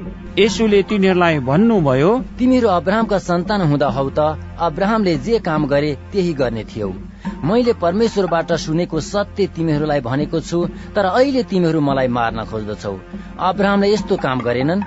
तिमीहरूका पिताले जे गरे तिमीहरू त्यही काम गर्दछौ। तिनीहरूले उहाँलाई भने हामी व्यविचारमा जन्मिएका होइनौ। हाम्रा पिता एउटै हुनुहुन्छ उहाँ परमेश्वर हुनुहुन्छ। यसुले तिनीहरूलाई भन्नुभयो परमेश्वर तिमीहरूका पिता हुनुहुँदो हो त तिमीहरूले मलाई प्रेम गर्ने थियौ किनभने म परमेश्वरबाट निस्कि आए म आफ्नै इच्छाले आएको होइन तर उहाँले मलाई पठाउनु भयो मैले भनेको तिमीहरू किन बुझ्दैनौ? किनभने तिमीहरूले मेरो वचन सुन्न सक्दैनौ। तिमीहरू आफ्नो पिता दियावलसका हौ। र तिमीहरूका पिताको इच्छा पूरा गर्ने तिमीहरूको संकल्प छ। त्यो त सुरुदेखि नै हतियारा थियो र सत्यसँग त्यसलाई केही वास्ता छैन किनभने त्यसमा केही सत्य छैन। जब त्यसले झुट बोल्दछ त्यो आफ्नै स्वभाव अनुसार बोल्दछ किनभने त्यो झुटो हो र झुटको पिता हो। म सत्य बोल्दछु तर तिमीहरू मलाई विश्वास गर्दैनौ। तिमीहरू मध्ये कसले मलाई पापको दोष लाउन सक्छ? यदि म सत्य बोल्दछु भने किन तिमीहरू म माथि विश्वास गर्दैनौ? जो परमेश्वरको हो त्यसले परमेश्वरका बाणी सुन्दछ। तिमीहरू परमेश्वरका होइनौ यसै कारण तिमीहरू सुन्दैनौ। यहुदीहरूले उहाँलाई जवाब दिए के हाम्रो यो भनाइ ठिक होइन कि तिमी सामरी हौ र तिमीलाई भूत लागेको छ? यसुले जवाब दिनुभयो मलाई भूत लागेको छैन तर म आफ्ना पिताको आदर गर्दछु र तिमीहरू मेरो अनादर गर्दछौ तर म आफ्नै महिमा खोज्दिन। एकजना हुनुहुन्छ जसले महिमा खोज्नुहुन्छ र फैसला गर्नुहुन्छ। साँच्चै म तिमीहरूलाई भन्दछु यदि कसैले मेरो वचन पालन गर्यो भने त्यसले कहिले मृत्यु देख्ने छैन। यहुदीहरूले उहाँलाई भने अब हामीलाई पक्का थाहा भयो तिमीलाई भूत लागेकै हो। अब्राहमको मृत्यु भयो अगम वक्ताहरू पनि मरे तर तिमी भन्दछौ कसैले मेरो वचन पालन गर्यो भने त्यसले कहिल्यै मृत्यु चाख्ने छैन? के हाम्रा पुर्खा अब्राहम भन्दा तिमी महान हौ? उनको मृत्यु भयो अनि अगमवक्ताहरू पनि मरे। तिमी चाहिँ आफैलाई को हुँ भनी दावी गर्छौ? यसुले जवाब दिनुभयो यदि मैले आफ्नै महिमा गरे भने मेरो महिमा व्यर्थै हुन्छ। मलाई महिमा दिने मेरा पिता हुनुहुन्छ जसलाई तिमीहरू हाम्रा परमेश्वर भन्दछौ। तिमीहरूले उहाँलाई चिनेका छैनौ तर म उहाँलाई चिन्छु। म उहाँलाई चिन्दिन भन्छु भने म तिमीहरू सर झुट्टा ठहरिनेछु तर म उहाँलाई चिन्दछु र उहाँको वचन पालन गर्दछु। तिमीहरूका पुर्खा अब्राहम मेरो दिन देख्नलाई प्रफुल्लित भएका थिए र तिनले देखे अनि रमाए। यसकारण यहुदीहरूले उहाँलाई भने तिमी अझै पचास वर्ष पुगेका छैनौ। त के तिमीले अब्राहमलाई देखेका छौ? यसुले तिनीहरूलाई भन्नुभयो साँच्चै म तिमीहरूलाई भन्दछु अब्राहम हुनुभन्दा अघिबाटै म छँदैछु। तब तिनीहरूले उहाँलाई हान्न भनी ढुङ्गा टिपे तर यसु लुकेर मन्दिरबाट बाहिर निस्कि जानुभयो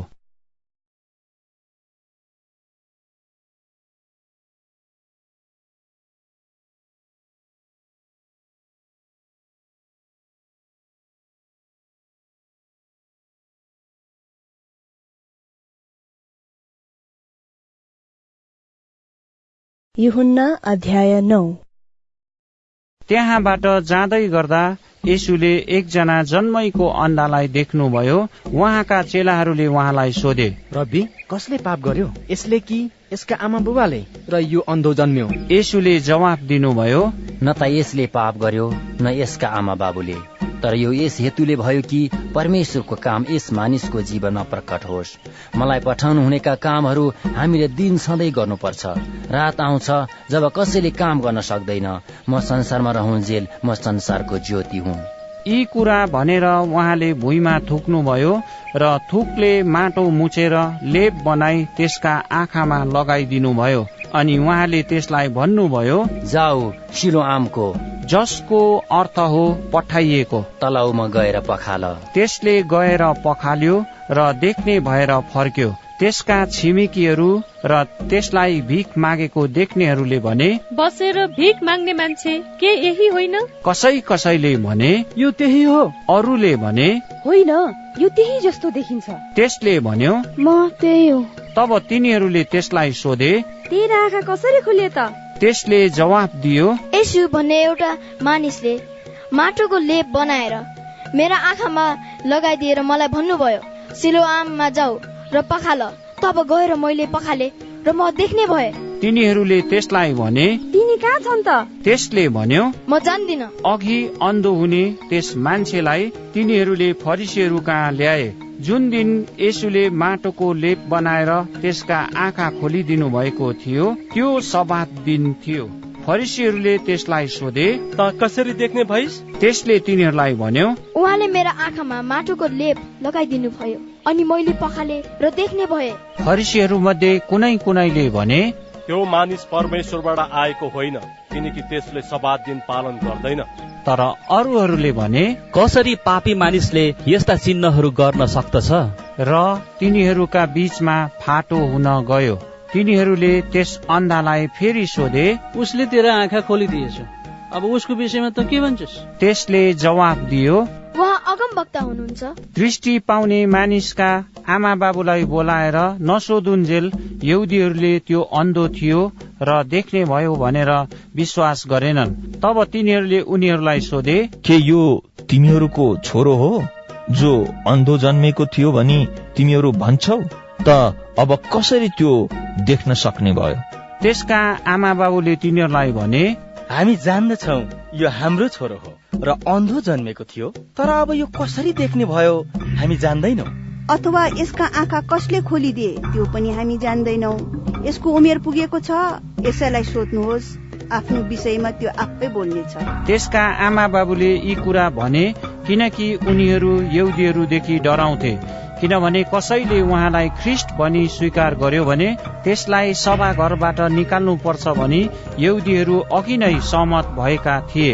यसै कारण त्यसका आमा बाबुले भने यसको उमेर पुगेको छ यसैलाई सोध्नुहोस्। तब तिनीहरूले त्यस अन्धो मानिसलाई दोस्रो पल्ट बोलाएर भने परमेश्वरलाई महिमा दे। हामी जान्दछौ यो मान्छे पापी हो। त्यसले जवाब दियो उहाँ पापी हुनुहुन्छ कि हुनुहुन्न म जान्दिन। एउटै कुरा मात्र म जान्दछु कि म अन्धो थिए तर अब देख्दछु। तब तिनीहरूले त्यसलाई भने उसले तँलाई के गर्यो? उसले तेरा आँखा कसरी खोलिदियो? त्यसले तिनीहरूलाई जवाब दियो मैले तपाईँहरूलाई अघि नै भनिसके तर तपाईँहरूले सुन्नु भएन। अब फेरि किन सुन्न चाहनुहुन्छ? तपाईँहरू पनि उहाँका चेला हुन चाहनुहुन्छ कि कसो? तिनीहरूले त्यसलाई गाली गर्दै भने त पो उसको चेला होस्। तर हामी त मोसाका चेला हौ। हामीलाई थाहा छ मोसासँग परमेश्वरले बोल्नु भएको थियो। तर हामीलाई थाहा छैन यो मानिस चाहिँ कहाँको हो। त्यस मानिसले जवाब दिई तिनीहरूलाई भन्यो कस्तो विचित्र कुरो। उहाँ कहाँबाट आउनु भएको हो? तपाईँहरू जान्नुहुन्न। तर मेरा आँखा उहाँले खोलिदिनु हामी जान्दछौ कि परमेश्वर पापीहरूका कुरा सुन्नुहुन्न। तर परमेश्वरको भय मान्ने र उहाँको इच्छा पालन गर्ने व्यक्तिको कुरा परमेश्वरले सुन्नुहुन्छ। संसार सुरु भएदेखि यसो जन्मैको अन्धाका आँखा कसैले खोलिदिएको कुरा कहिले सुनेन। यदि यी मानिस परमेश्वरबाट नआउनु भएको भए उहाँले केही गर्न सक्नुहुने थिएन। तिनीहरूले त्यसलाई जवाब दिए भने त त बिल्कुलै पापमा जन्मेको थिइस्? र के अब त हामीलाई सिकाउन चाहन्छस्? अनि तिनीहरूले त्यसलाई बाहिर निकालिदिए। तिनीहरूले त्यसलाई बाहिर निकालिदिए भन्ने यसुले सुन्नुभयो र त्यसलाई भेट्टाएर भन्नुभयो। के तिमी मानिसको पुत्रमाथि विश्वास गर्दछौ? त्यसले जवाब दिई भन्यो प्रभु उहाँ को हुनुहुन्छ? म उहाँमाथि विश्वास गर्नेछु। यसुले त्यसलाई भन्नुभयो तिमीले उसलाई देखेका छौ अनि तिमीसँग बोल्ने उही नै हो। तब त्यसले भन्यो प्रभु म विश्वास गर्दछु। र त्यसले उहाँलाई दण्डवत गर्यो अनि यसुले भन्नुभयो म न्यायको लागि संसारमा आए। कि नदेख्नेहरू देखुन् र देख्नेहरू चाहिँ अन्धा हुन्। यी कुरा सुनेर उहाँका नजिकै हुने फरिसीहरू मध्ये कुनै कुनैले उहाँलाई भने के हामी पनि अन्धा हौ त? यसुले तिनीहरूलाई भन्नुभयो तिमीहरू अन्धा भए त पापको दोषी हुने थिएनौ तर तिमीहरू हामी देख्छौ भन्दछौ यसकारण तिमीहरूको पाप रहिरहन्छ।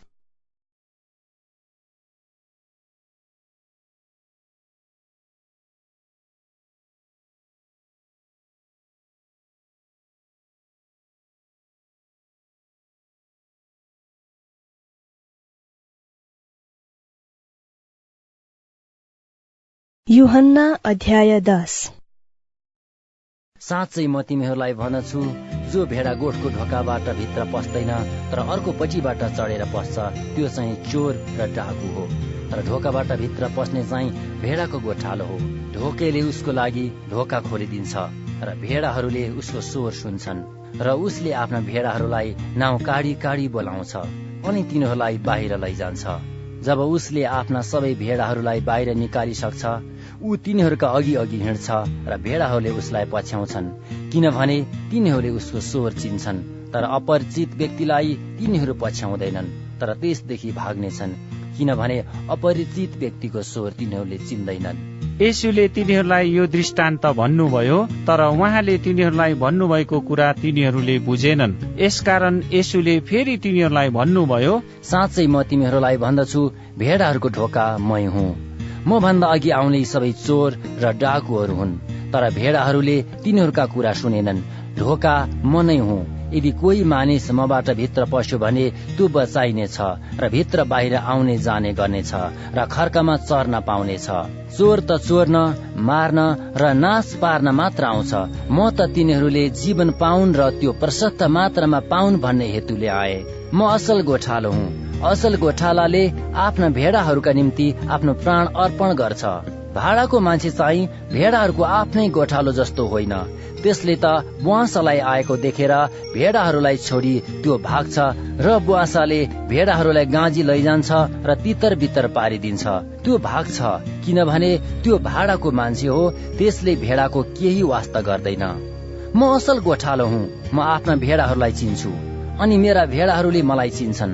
जसरी पिताले मलाई चिन्नुहुन्छ म पितालाई चिन्छु अनि म भेडाहरूका लागि आफ्नो प्राण अर्पण दिन्छु।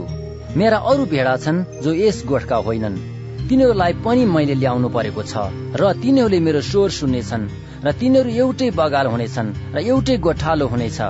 पिताले मलाई यसै कारण प्रेम गर्नुहुन्छ किनकि म आफ्नो प्राण फेरि फिर्ता लिने हेतुले अर्पण गर्छु।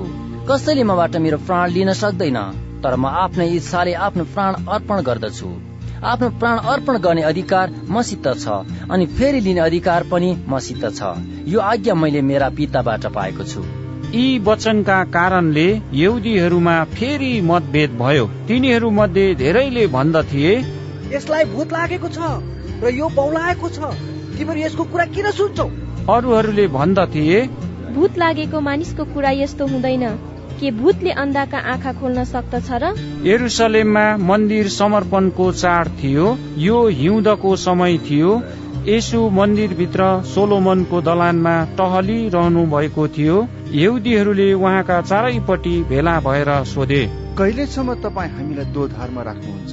तपाईँ ख्रिस्ट हुनुहुन्छ भने हामीलाई स्पष्ट भनिदिनुहोस्। यसुले तिनीहरूलाई जवाब दिनुभयो मैले तिमीहरूलाई भनिसकेको छु तर तिमीहरू विश्वास गर्दैनौ। मेरा पिताको नाउँमा जे काम म गर्दछु तिनैले मेरो गवाई दिन्छन्। तर तिमीहरू विश्वास गर्दैनौ किनभने तिमीहरू मेरा भेडा मध्येका होइनौ। मेरा भेडाहरूले मेरो स्वर सुन्छन् र तिनीहरूलाई म चिन्छु। र तिनीहरू मेरो पछि आउँछन्। तिनीहरूलाई म अनन्त जीवन दिन्छु र तिनीहरू कहिल्यै नष्ट हुने छैनन् र कसैले तिनीहरूलाई मेरो हातबाट खोसी लैजाने छैन। मेरा पिताले ती मलाई दिनुभएको छ। उहाँ सबैभन्दा महान हुनुहुन्छ। पिताको हातबाट कसैले तिनीहरूलाई खोसी लाने छैन। मेरा पिताले ती मलाई दिनुभएको छ। उहाँ सबैभन्दा महान हुनुहुन्छ। पिताको हातबाट कसैले तिनीहरूलाई खोसी लाने छैनन्। पिता र म एक हौ। यहुदीहरूले उहाँलाई हानौ भनी फेरि ढुङ्गा उठाए। यसुले तिनीहरूलाई भन्नुभयो मैले तिमीहरूलाई मेरा पिताबाट धेरै असल काम देखाए। ती मध्ये कुन कामको निम्ति तिमीहरू मलाई ढुङ्गाले हान्न चाहन्छौ? यहुदीहरूले उहाँलाई जवाब दिए असल कामको लागि हामी तिमीलाई ढुङ्गाले हान्दैनौ तर ईश्वर निन्दा गरेको कारणले। किनकि तिमी मानिस भएर पनि आफैलाई परमेश्वर तुल्याउँछौ। यसुले तिनीहरूलाई जवाब दिनुभयो के तिमीहरूको व्यवस्थामा यसो लेखिएको छैन? मैले भने तिमीहरू देवहरू हौ।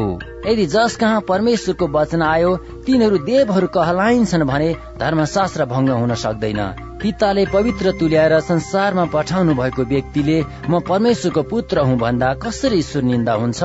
यदि मैले मेरा पिताका काम गरेको छैन भने म माथि विश्वास नगर। तर यदि म पिताका काम गर्दछु र पनि तिमीहरू म माथि विश्वास गर्दैनौ भने यी कामहरूमाथि विश्वास गर र तिमीहरूले थाहा पाउन सक्नेछौ र बुझ्नेछौ कि पिता ममा हुनुहुन्छ र म पितामा छु। तिनीहरूले फेरि उहाँलाई पक्रन खोजे तर उहाँ तिनीहरूका हातबाट उम्कनु भयो। अनि उहाँ फेरि यर्दन पारी त्यस ठाउँमा जानुभयो जहाँ यहुन्नाले पहिले बत्तिसमा दिने गर्थे र उहाँ त्यही बस्नुभयो। धेरै मानिसहरू उहाँ कहाँ आउन लागे र तिनीहरूले भने यहुन्नाले कुनै चिन्हहरू गरेनन् तर यहुन्नाले यिनको विषयमा जे जति भनेका थिए त्यो सत्य रहेछ। अनि त्यहाँ धेरैले उहाँमाथि विश्वास गरे।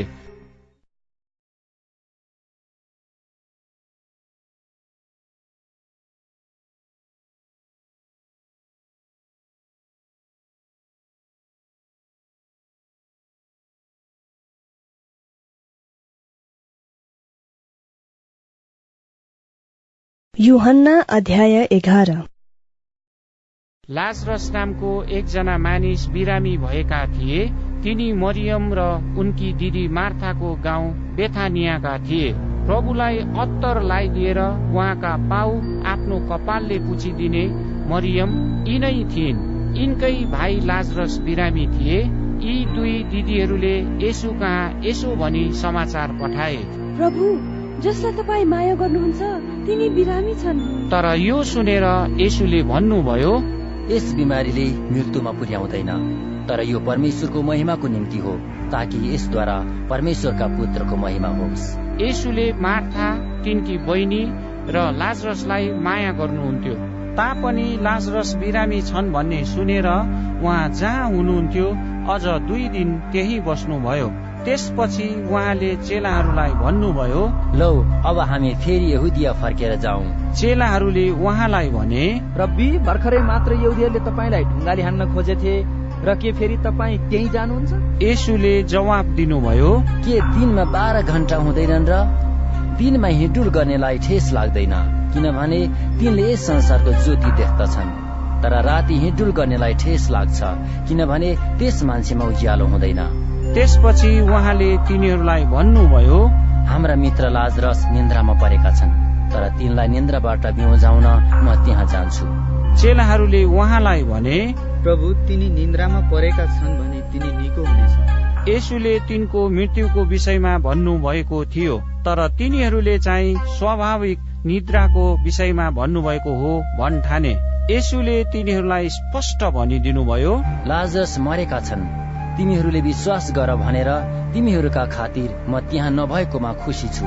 जे भए तापनि हामी तिनी कहाँ जाउँ? तब दिदुमस भनिने थोमाले आफ्ना सङ्गी चेलाहरूलाई भने लौ हामी पनि जाउँ र उहाँसँगै मरौँ। जब यसु आइपुग्नु भयो तब लाजरसलाई चिहानमा राखेको चार दिन भइसकेको थाहा पाउनुभयो। बेथानिया एरुसलेमदेखि नजिकै प्राय तीन किलोमिटरको दूरीमा थियो। धेरै यहुदीहरू मार्था र मरियम कहाँ तिनका भाइको विषयमा तिनीहरूलाई सान्त्वना दिन आएका थिए।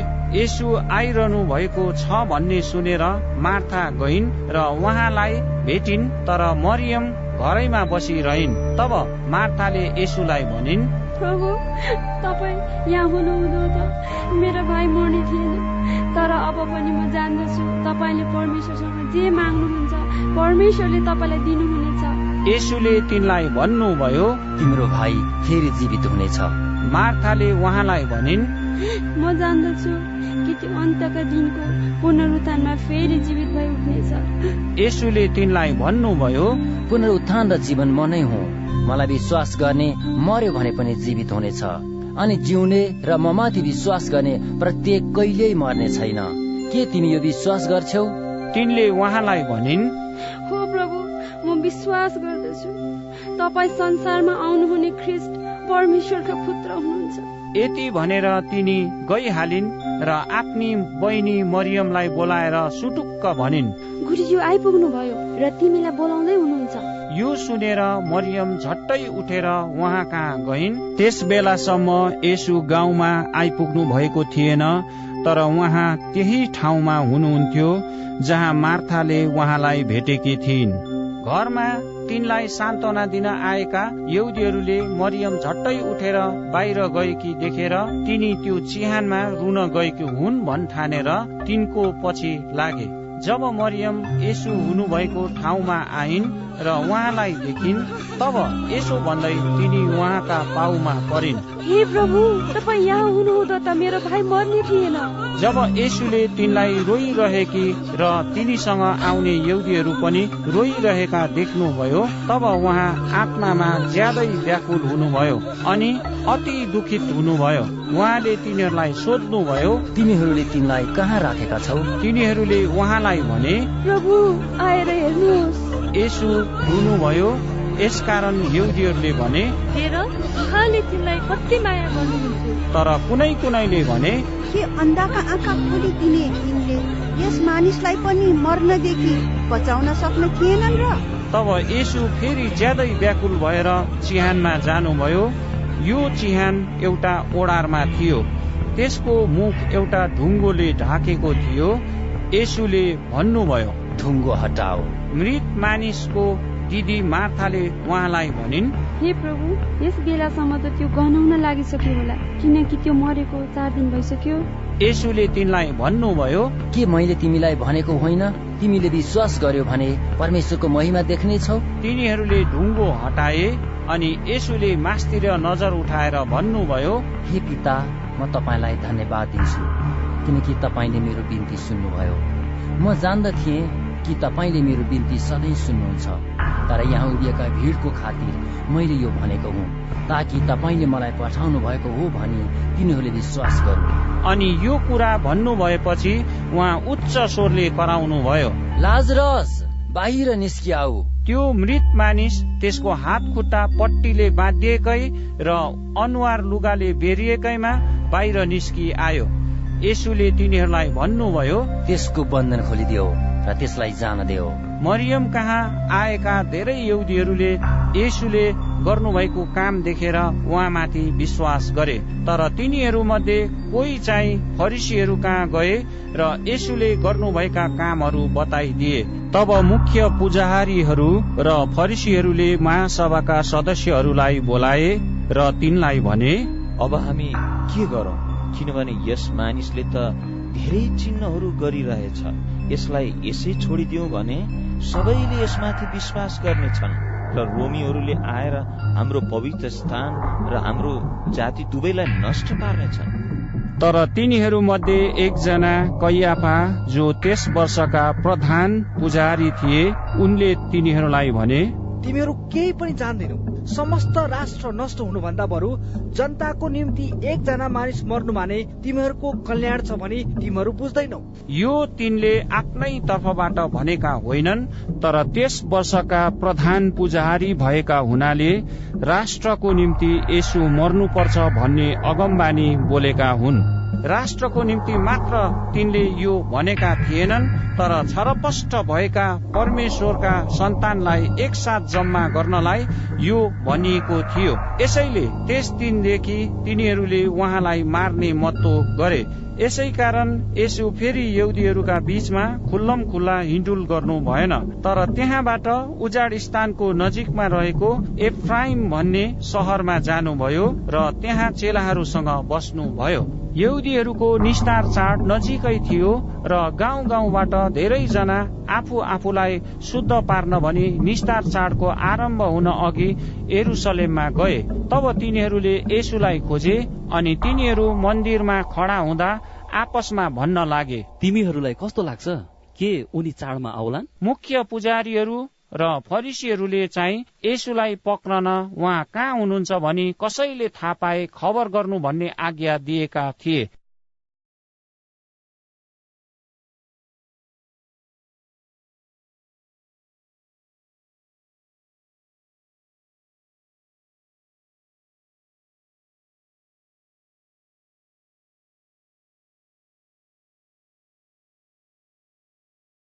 युहन्ना अध्याय बाह्र। निस्तार चाडको छ दिन अघि यसु बेथानियामा आउनुभयो। त्यहाँ लाजरस बस्थे जसलाई यसुले मृतकबाट जीवित पार्नु भएको थियो।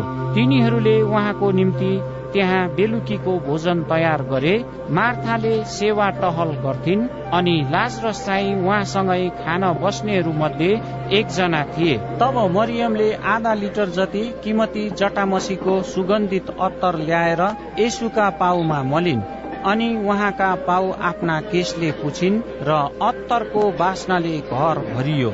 तर उहाँका चेलाहरू मध्ये एकजना अर्थात् उहाँलाई पक्राउन खोज्ने यौदा इस्करियोतले भन्यो यो अत्तर तिन सय चाँदीका सिक्कामा बेचेर त्यो रकम गरिबहरूलाई जे हुँदैनथ्यो तर त्यसले गरिबहरूको ख्याल राखेर यो भनेको थिएन किनकि त्यो चोर थियो र पैसाको थैलो त्यसैले राख्थ्यो अनि त्यहाँबाट चोर्ने गर्थ्यो। यसुले भन्नुभयो यिनलाई केही नभन मेरो दफन दिनको लागि यिनलाई त्यो राखी छोड्न देऊ किनभने गरिबहरू सधैँ तिमीहरूसँग हुन्छन् तर म त सधैँ तिमीहरूसँग हुन्न। यहुदीहरूको एउटा ठूलो भिडले उहाँ त्यहाँ हुनुहुन्छ भन्ने थाहा पायो र यसुको खातिरमा मात्र होइन तर उहाँले मृतकबाट जीवित पार्नु भएको लाजरसलाई पनि हेर्न भनी तिनीहरू आएका थिए। यसैले मुख्य पुजारीहरूले लाजरसलाई पनि मार्ने मतो गरे किनभने तिनैले गर्दा यहुदीहरू मध्ये धेरैजना छुटिएर गई यसुमाथि विश्वास गर्न लागेका थिए। भोलिपल्ट चाडमा आउने ठूलो भिडले यसु एरुसलेममा आउँदै हुनुहुन्छ भन्ने सुन्यो र मानिसहरू खजुरका हाँगाहरू लिएर उहाँलाई स्वागत गर्न कराउँदै निस्के। होसन्ना भन्ने परम प्रभुको नाउँमा आउने इसरायलका राजा अनि गधाको एउटा बछेरो भेट्टाएर यसु त्यसमाथि चल्नुभयो जस्तो लेखिएको छ। सियोनकी छोरी न डराऊ। हेर! तिम्रा राजा गधाको बछडामाथि सवार भएर आउँदै हुनुहुन्छ।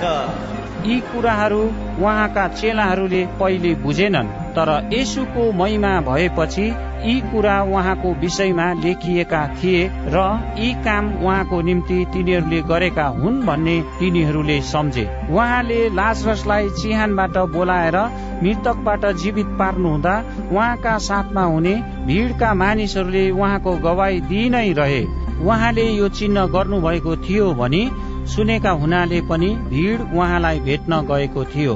फरिसीहरूले तब एक अर्कालाई भन्न लागे हेर तिमीहरूबाट केही हुने होइन। देख्दैछौ संसारै त्यसको पछि लागिसक्यो। चाडमा आराधना गर्न जानेहरू मध्ये कोही कोही ग्रिकहरू पनि थिए। तिनीहरू गालिलको बेतसेदा निवासी फिलिप कहाँ आएर यसो भनेर बिन्ती गरे। हजुर हामी यसुलाई भेट्न चाहन्छौ। फिलिपले गएर अन्द्रियासलाई भने र अन्द्रियास र फिलिप गएर यसुलाई भने। यसुले तिनीहरूलाई जवाब दिनुभयो मानिसको पुत्रको महिमित हुने समय आइपुगेको छ। साँच्चै म तिमीहरूलाई भन्दछु गहुँको दाना माटोमा परेर मरेन भने त्यो एक्लो रहन्छ तर त्यो मर्यो भने त्यसले धेरै फल फलाउँछ। आफ्नो प्राणको मोह गर्नेले त्यो गुमाउँछ। तर आफ्नो प्राणलाई यस संसारमा तुच्छ ठान्नेले चाहिँ अनन्त जीवनको लागि त्यो सुरक्षित राख्छ। कसैले मेरो सेवा गर्छ भने त्यसले मलाई पछ्याओस् र म जहाँ छु मेरो सेवक पनि त्यहाँ हुनेछ। कसैले मेरो सेवा गर्छ भने पिताले त्यसको कदर गर्नुहुनेछ। अब मेरो प्राण व्याकुल भएको छ र म के भनौँ? हे पिता मलाई यस घडीबाट बचाउनुहोस्। होइन यसै कारणले नै म यस घडीसम्म आइपुगेको छु। हे पिता तपाईँका नाउँको महिमा गर्नुहोस्। तब स्वर्गबाट यस्तो एउटा आवाज आयो मैले त्यो महिमा गरेको छु र फेरि गर्नेछु। त्यहाँ खडा भएको भिडले यो सुनेर भन्यो यो मेघगर्जन हो। अरूहरूले भने स्वर्गदूत उनीसँग बोलेका हुन्। यसुले जवाब दिनुभयो यो आवाज मेरो निम्ति भएको होइन तर तिमीहरूका निम्ति हो। अब यस संसारको न्याय हुन्छ। यस संसारको शासक बाहिर फालिनेछ अनि जब म पृथ्वीबाट उचालिन्छु म सबै मानिसलाई आफूतिर खिच्नेछु। उहाँको मृत्यु कुन प्रकारले हुने हो सो संकेत दिनलाई उहाँले यसो भन्नुभएको थियो। भिडले उहाँलाई सोध्यो ख्रिस्ट सदा सर्वदा रहनुहुन्छ भन्ने व्यवस्थाबाट हामीले सुनेका छौँ। तपाईँ कसरी भन्न सक्नुहुन्छ मानिसको पुत्र उचालिनै पर्छ? यो मानिसको पुत्र चाहिँ को हो? यसुले तिनीहरूलाई भन्नुभयो अझ अलि बेरसम्म ज्योति तिमीहरूसँग छ। ज्योति तिमीहरूसँग छाउन्जेल हिँडुल गर ताकि अन्धकारले तिमीहरूलाई नढाकोस्। कोही अन्धकारमा हिँडुल गर्छ भने त्यसले आफू कहाँ गइरहेछु सो थाहा पाउँदैन। जबसम्म ज्योति तिमीहरूसँग छ ज्योतिमा विश्वास गर र तिमीहरू ज्योतिका सन्तान हो। यी कुरा भन्नु भएपछि यसु त्यहाँबाट जानुभयो र तिनीहरूबाट लुकेर बस्नुभयो। उहाँले तिनीहरूका सामुन्ने यतिका चिन्हहरू गर्नु भएको थियो तापनि तिनीहरूले उहाँमाथि विश्वास गरेनन्। यो आवश्यक थियो कि यसैया अगमवक्ताको वचन पूरा होस्। हे परम प्रभु हाम्रो सन्देश कसले विश्वास गर्यो? अनि परम प्रभुको बाहुबल कसलाई प्रकट गरियो? यसकारण तिनीहरूले विश्वास गर्न सकेनन् किनभने यसैयाले फेरि यसो भनेका छन्। उहाँले तिनीहरूका आँखा बन्द गरिदिनु भएको छ र तिनीहरूका हृदय कठोर पारिदिनु भएको छ। यसरी तिनीहरूले आँखा नदेखुन् अनि हृदयले नबुझुन् नत्रता तिनीहरू फर्कनेछन् र मैले तिनीहरूलाई निको पार्नु पर्छ यसैयाले यी कुरा भने किनकि तिनले उहाँको महिमा देखे र उहाँको विषयमा भने। तरै पनि शासकहरू मध्ये धेरैले उहाँमाथि विश्वास गरे तर फरिसीहरूको डरले गर्दा र तिनीहरूले सभाघरबाट निकालिदिन्छन् भन्ने डरले त्यो स्वीकार गरेनन्। किनभने परमेश्वरको प्रशंसा भन्दा मानिसको प्रशंसा तिनीहरू बढी रुचाउँथे। यसुले उच्च स्वरले भन्नुभयो मलाई विश्वास गर्नेले मलाई होइन तर मलाई पठाउनु हुने माथि विश्वास गर्दछ। जसले मलाई देख्दछ त्यसले मलाई पठाउनु हुनेलाई देख्दछ। म संसारमा ज्योति भएर आएको छु ताकि म माथि विश्वास गर्ने अन्धकारमा नरहोस्। कसैले मेरा बाणी सुन्छ र ती पालन गर्दैन भने म त्यसको न्याय गर्दिन किनभने म संसारको न्याय गर्न आएको होइन तर संसारलाई बचाउन आएको हुँ। मलाई इन्कार गर्ने र मेरा बाणी ग्रहण नगर्नेको लागि एउटा न्यायाधीश छन्। जो वचन मैले बोले त्यसैले अन्त्यको दिनमा त्यसको न्याय गर्नेछ। किनभने मैले आफ्नै तर्फबाट बोलिन तर मैले के भन्नु पर्ने हो र के बोल्नु पर्ने हो मलाई पठाउनु हुने पिता आफैले मलाई आज्ञा दिनु भएको छ। म जान्दछु कि उहाँको आज्ञा अनन्त जीवन हो। यसकारण म जे बोल्दछु पिताले मलाई भन्नु भए अनुसार बोल्दछु।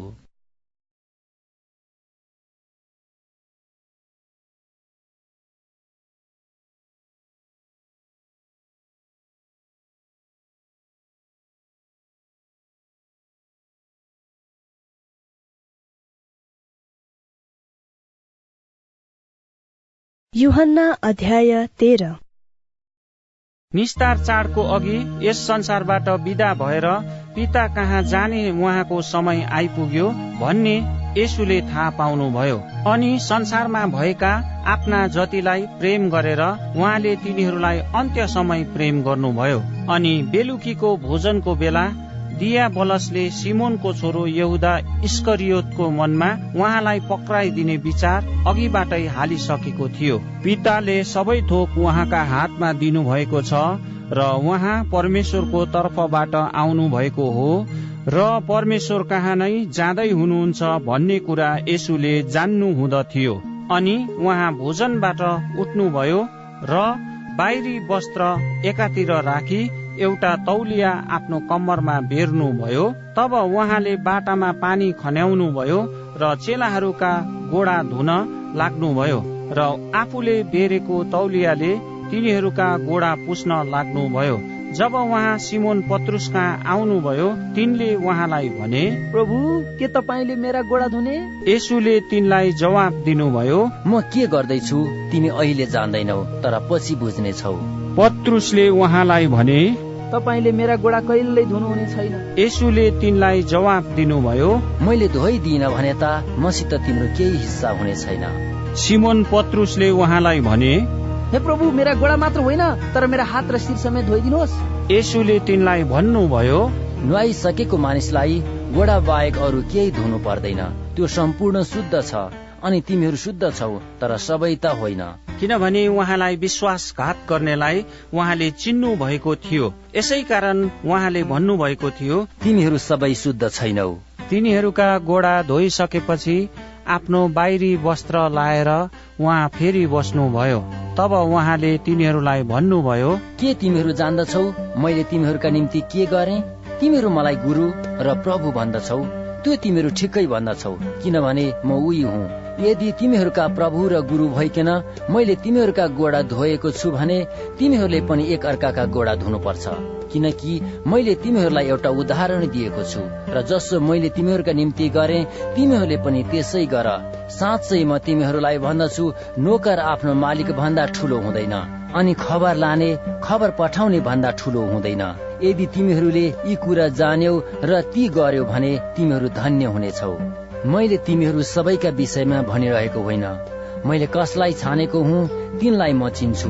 तर धर्मशास्त्र पूरा होस् भनेर यो भयो कि मेरै रोटी खानेले म माथि आफ्नो लात उठायो।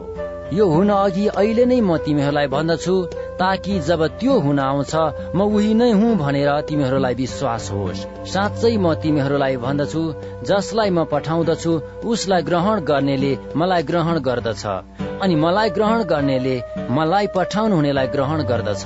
यी कुरा भनेपछि यसु आत्मामा व्याकुल हुनुभयो र उहाँले गवाई दिए भन्नुभयो साँच्चै म तिमीहरूलाई भन्दछु तिमीहरू मध्ये एकजनाले मलाई पक्राइदिनेछ। उहाँले कसको विषयमा भन्नुभएको हो भनी अनिश्चित भएर चेलाहरूले एक अर्कालाई हेराहेर गरे। उहाँका चेलाहरू मध्ये यसुले प्रेम गर्नुहुने चेला चाहिँ यसुको छातीमा अडेस लागिरहेका थिए।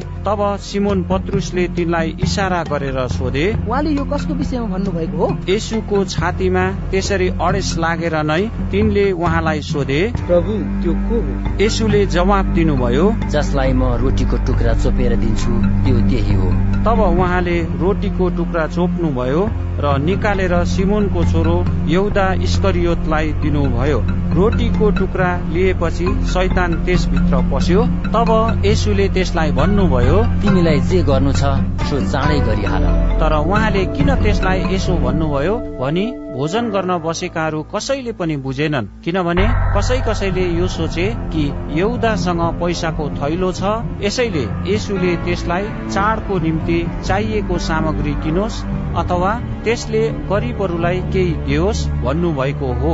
तब रोटीको टुक्रा लिएपछि यौदा इस्करियोत तुरुन्तै बाहिर निस्किहाल्यो। त्यस बेला रात परेको थियो। जब त्यो बाहिर गयो तब यसुले भन्नुभयो अब मानिसको पुत्र महिमित भएको छ। र परमेश्वर उसमा महिमित हुनु भएको छ। यदि परमेश्वर उसमा महिमित हुनु भएको छ भने परमेश्वरले आफैमा उसलाई महिमित पार्नुहुनेछ अनि उसलाई तुरुन्तै महिमित तुल्याउनु हुनेछ साना बालक हो केही बेरसम्म म तिमीहरूसँग छु तिमीहरूले मलाई खोज्नेछौ। र जसो मैले एउरीहरूलाई भने अब तिमीहरूलाई पनि म भन्दछु जहाँ म गइरहेछु तिमीहरू आउन सक्दैनौ। एउटा नयाँ आज्ञा म तिमीहरूलाई दिँदछु तिमीहरू एक अर्कालाई प्रेम गर। तिमीहरूसँग मैले जस्तो प्रेम गरेको छु तिमीहरूले पनि एक अर्कालाई त्यस्तै प्रेम गर। यदि तिमीहरूले एक अर्कालाई प्रेम गर्यो भने यसैबाट सबैले जान्नेछन् कि तिमीहरू मेरा चेलाहरू हौ। सिमोन पत्रुसले उहाँलाई भने हे प्रभु तपाईँ कहाँ जाँदै हुनुहुन्छ? यसुले जवाब दिनुभयो म जहाँ गइरहेछु तिमी अहिले मलाई पछ्याउन सक्दैनौ तर पछि त तिमीले मलाई पछ्याउनेछौ। पत्रुसले उहाँलाई भने प्रभु म किन अहिले नै तपाईँलाई पछ्याउन सक्दिन? तपाईँको निम्ति म आफ्नो प्राण दिनेछु। यसुले जवाब दिनुभयो के तिमी आफ्नो प्राण मेरो निम्ति दिनेछौ? साँच्चै म तिमीलाई भन्छु तिमीले मलाई तीन पल्ट इन्कार नगरेसम्म भाले बाँच्ने छैन।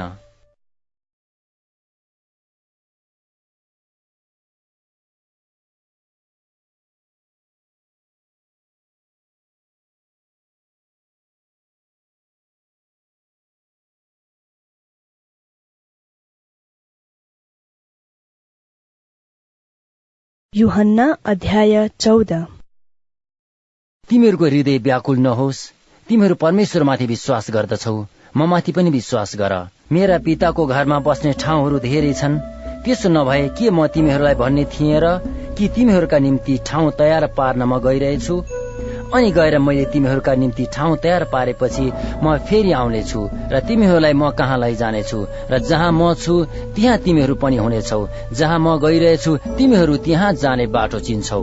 थोमाले उहाँलाई भने हे प्रभु तपाईँ कहाँ जाँदै हुनुहुन्छ? हामी जान्दैनौ।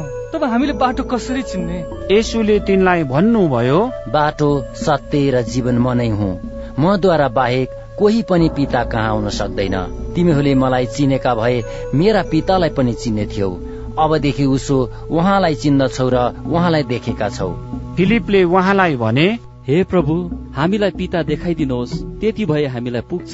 यसुले तिनलाई भन्नुभयो फिलिप यतिको समयसम्म म तिमीहरूसँग छु। तै पनि तिमीले मलाई चिन्दैनौ जसले मलाई देखेको छ त्यसले पितालाई देखेको छ। तिमी कसरी भन्न सक्छौ हामीलाई पिता देखाइदिनुहोस् म पितामा छु र पिता ममा हुनुहुन्छ भनेर के तिमी विश्वास गर्दैनौ? जुन बाणी म तिमीहरूलाई भन्दछु त्यो मैले मेरो आफ्नै अधिकारमा बोलेको होइन। तर ममा बास गर्नुहुने पिताले आफ्नो काम गर्नुहुन्छ। मलाई विश्वास गर। कि म पितामा छु र पिता ममा हुनुहुन्छ। नत्र भने यी कामहरूकै खातिर विश्वास गर। साँच्चै म तिमीहरूलाई भन्दछु जसले मलाई विश्वास गर्दछ त्यसले मैले गरेका काम पनि गर्नेछ र ती भन्दा ठुला काम गर्नेछ किनभने म पिता कहाँ गइरहेछु। तिमीहरूले मेरो नाउँमा जे सुकै मागे तापनि पुत्रमा पिताको महिमा होस् भनेर म त्यो गर्नेछु। तिमीहरूले मेरो नाउँमा कुनै थोक माग्यो भने म गरिदिनेछु। तिमीहरूले मलाई प्रेम गर्छौ भने मेरा आज्ञाहरू पालन गर्नेछौ। र म पितासँग बिन्ती गर्नेछु र उहाँले तिमीहरूलाई अर्को सल्लाहकार दिनुहुनेछ र उहाँ तिमीहरूसँग सदा सर्वदा रहनुहुनेछ। यिनी सत्यका आत्मा हुनुहुन्छ जसलाई संसारले ग्रहण गर्न सक्दैन। किनभने संसारले उहाँलाई न त देख्छ न चिन्छ। तिमीहरू उहाँलाई चिन्छौ किनभने उहाँ तिमीहरूसँग बास गर्नुहुन्छ र उहाँ तिमीहरूमा रहनुहुनेछ। म तिमीहरूलाई टुहुरा छोड्ने छैन। म तिमीहरू कहाँ आउनेछु? अब केही समयपछि संसारले मलाई कहिल्यै देख्ने छैन तर तिमीहरूले मलाई देख्नेछौ। म जीवित भएको हुनाले तिमीहरू पनि जीवित रहनेछौ। त्यस दिन तिमीहरूले जान्नेछौ कि म मेरा पितामा छु र तिमीहरू ममा र म तिमीहरूमा छु। मलाई प्रेम गर्ने त्यही हो जससँग मेरा आज्ञा छन् र ती पालन गर्दछ। अनि मलाई प्रेम गर्नेलाई मेरा पिताले प्रेम गर्नुहुन्छ। म त्यसलाई प्रेम गर्नेछु र म आफैलाई त्यस कहाँ प्रकट गर्नेछु। यहुदाले इस्करियोत चाहिँ होइन उहाँलाई भने प्रभु तपाईँले के भन्नुभएको? तपाईँ आफैलाई हामीमा प्रकट गर्नुहुन्छ र संसारलाई चाहिँ होइन? यसुले तिनलाई जवाब दिई भन्नुभयो जसले मलाई प्रेम गर्छ त्यसले मेरो वचन पालन गर्नेछ र मेरा पिताले त्यसलाई प्रेम गर्नुहुनेछ र हामी त्यस कहाँ आउनेछौ र त्यससँग बास गर्नेछौ। मलाई प्रेम नगर्नेले मेरा वचन पालन गर्दैन। जुन वचन तिमीहरू सुन्छौ त्यो मेरो होइन तर मलाई पठाउनु हुने पिताको हो। यी कुरा तिमीहरूसँग रहँदै मैले तिमीहरूलाई भनेको हुँ तर सल्लाहकार अर्थात् पवित्र आत्मा जसलाई पिताले मेरो नाउँमा पठाउनु हुनेछ उहाँले तिमीहरूलाई सबै कुरा सिकाउनु हुनेछ र मैले तिमीहरूलाई भनेका सबै कुरा तिमीहरूलाई याद दिलाउनु हुनेछ शान्ति म तिमीहरूसँग छोडिराख्छु। म आफ्नो शान्ति तिमीहरूलाई दिन्छु। संसारले दिए जस्तो म तिमीहरूलाई दिँदिन। तिमीहरूको हृदय व्याकुल नहोस् र भयभीत नहोस्। मैले तिमीहरूलाई म गइरहेछु र तिमीहरू कहाँ आउँछु भनेको तिमीहरूले सुन्यौ। तिमीहरूले मलाई प्रेम गरेका भए म पिता कहाँ जाँदैछु भनेको सुनेर तिमीहरू रमाउने थियौ किनकि पिता म भन्दा महान हुनुहुन्छ। अब यो हुन अघि नै मैले तिमीहरूलाई भनिदिएको छु र जब यो हुन आउँछ तिमीहरूले विश्वास गर्न सक। म तिमीहरूसँग अब धेरै बोल्ने छैन किनभने यस संसारको शासक आइरहेछ। त्यसको म माथि केही शक्ति छैन तर म पितालाई प्रेम गर्दछु र जस्तो पिताले मलाई आज्ञा गर्नुभएको छ सोही बमोजिम गर्दछु भनी संसारले जानोस्। उठ हामी यहाँबाट जाउँ।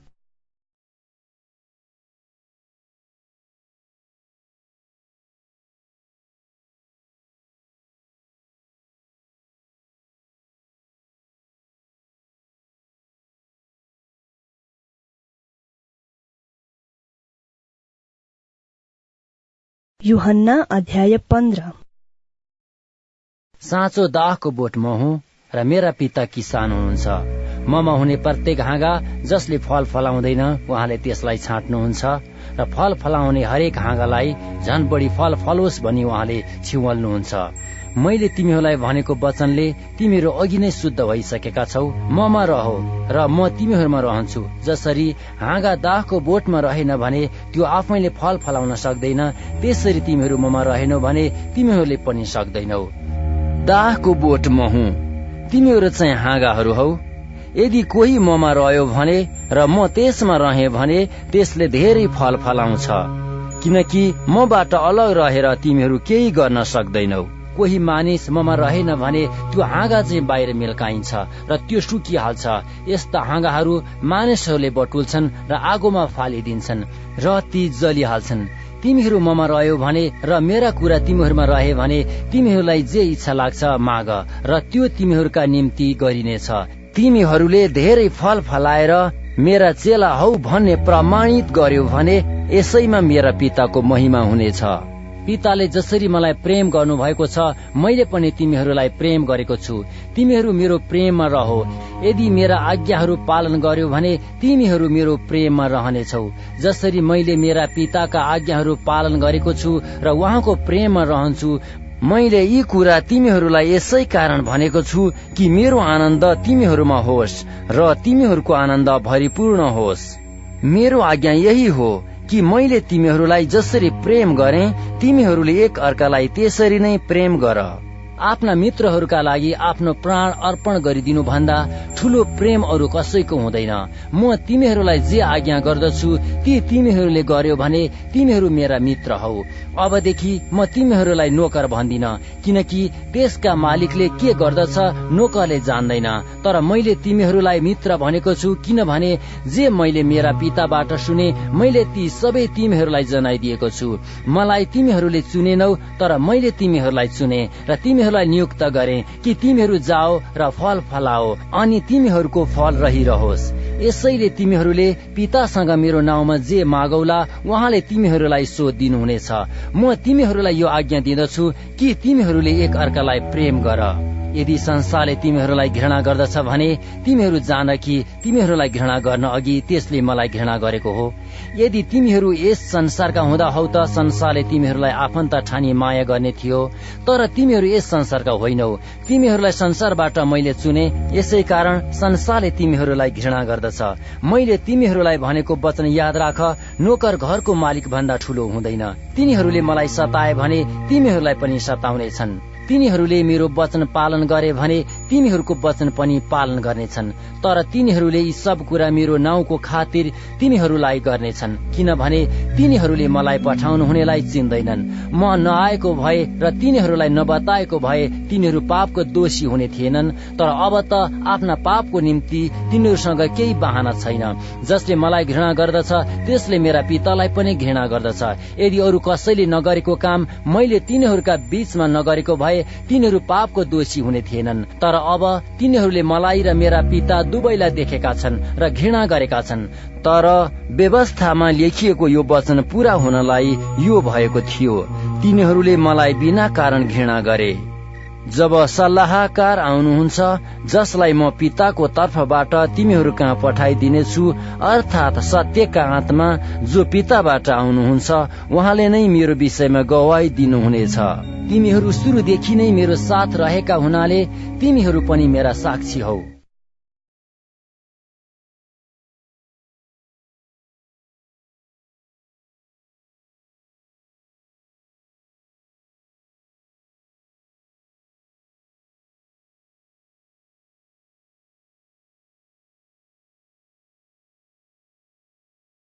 युहन्ना अध्याय सोह्र।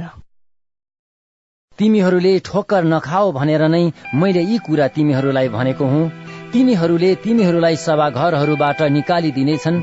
वास्तवमा यस्तो समय आइरहेछ जब तिमीहरूलाई हत्या गर्नेले परमेश्वरको सेवा गर्दैछु भनी ठान्नेछ।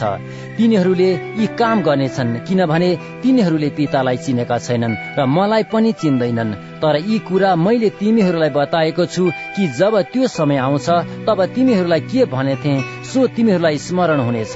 पहिले नै मैले तिमीहरूलाई यी कुरा भनिन किनकि म तिमीहरूसँग थिएँ। अब म मलाई पठाउनु हुने कहाँ गइरहेछु तर तपाईँ कहाँ जाँदै हुनुहुन्छ भनी तिमीहरू कसैले मलाई सोध्दैनौ। तापनि मैले तिमीहरूलाई यी कुरा भनेको कारण तिमीहरूको हृदय शोकले भरिएको छ।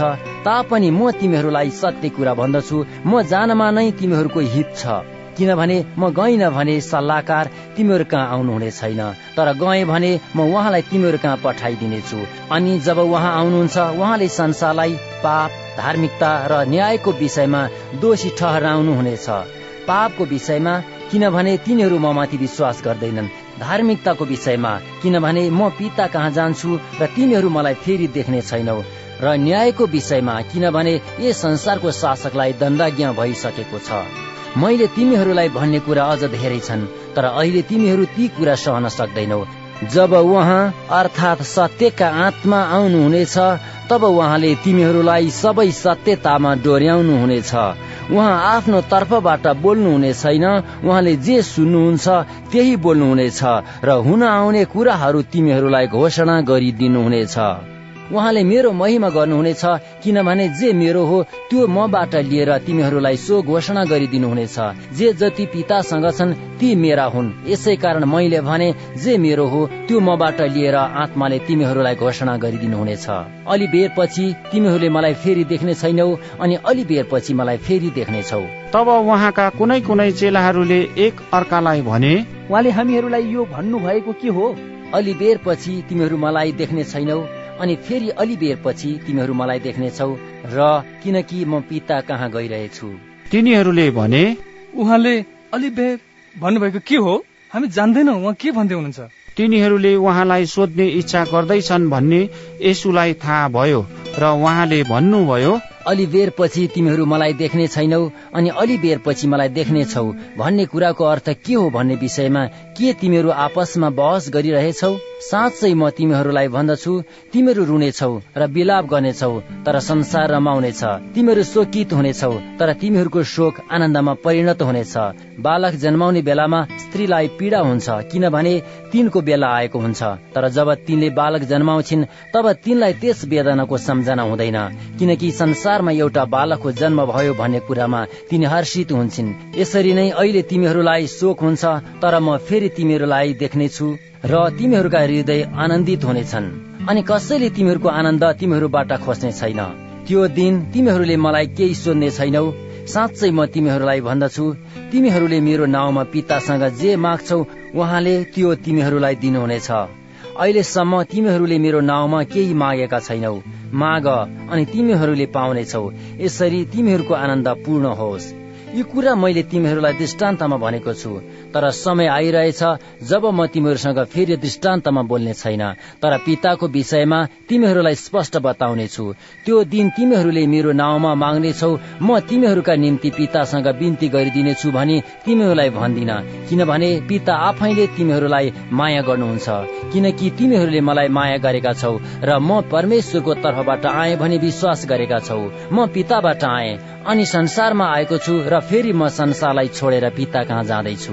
उहाँका चेलाहरूले भने अब तपाईँ स्पष्ट बोल्दै हुनुहुन्छ दृष्टान्तमा होइन। अब हामीहरूले बुझ्यौं तपाईँ सबै कुरा जान्नुहुन्छ अनि तपाईँलाई कसैले सोध्ने आवश्यकता छैन। यसैले हामी विश्वास गर्छौ कि तपाईँ परमेश्वरबाट आउनु भएको हो। यसुले तिनीहरूलाई जवाब दिनुभयो के तिमीहरू अब विश्वास गर्दछौ? हेर समय आइरहेछ। वास्तवमा आइसकेको छ। जब तिमीहरू छरपष्ट भई आफ्नै ठाउँमा जानेछौ र मलाई एक्लै छोड्नेछौ तापनि म एक्लो छैन किनभने पिता मसँग हुनुहुन्छ। मैले तिमीहरूलाई यी कुरा यस हेतुले भनेको छु कि ममा तिमीहरूलाई शान्ति होस्। संसारमा तिमीहरूलाई संकष्ट हुनेछ तर साहस गर मैले संसारलाई जितेको छु।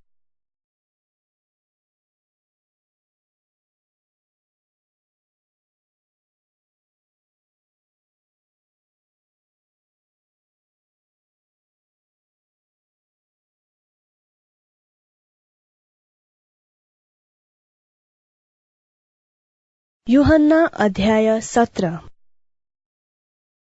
यी कुरा भनिसकेपछि येशूले स्वर्गतिर आँखा उचाली भन्नुभयो हे पिता समय आइपुगेको छ।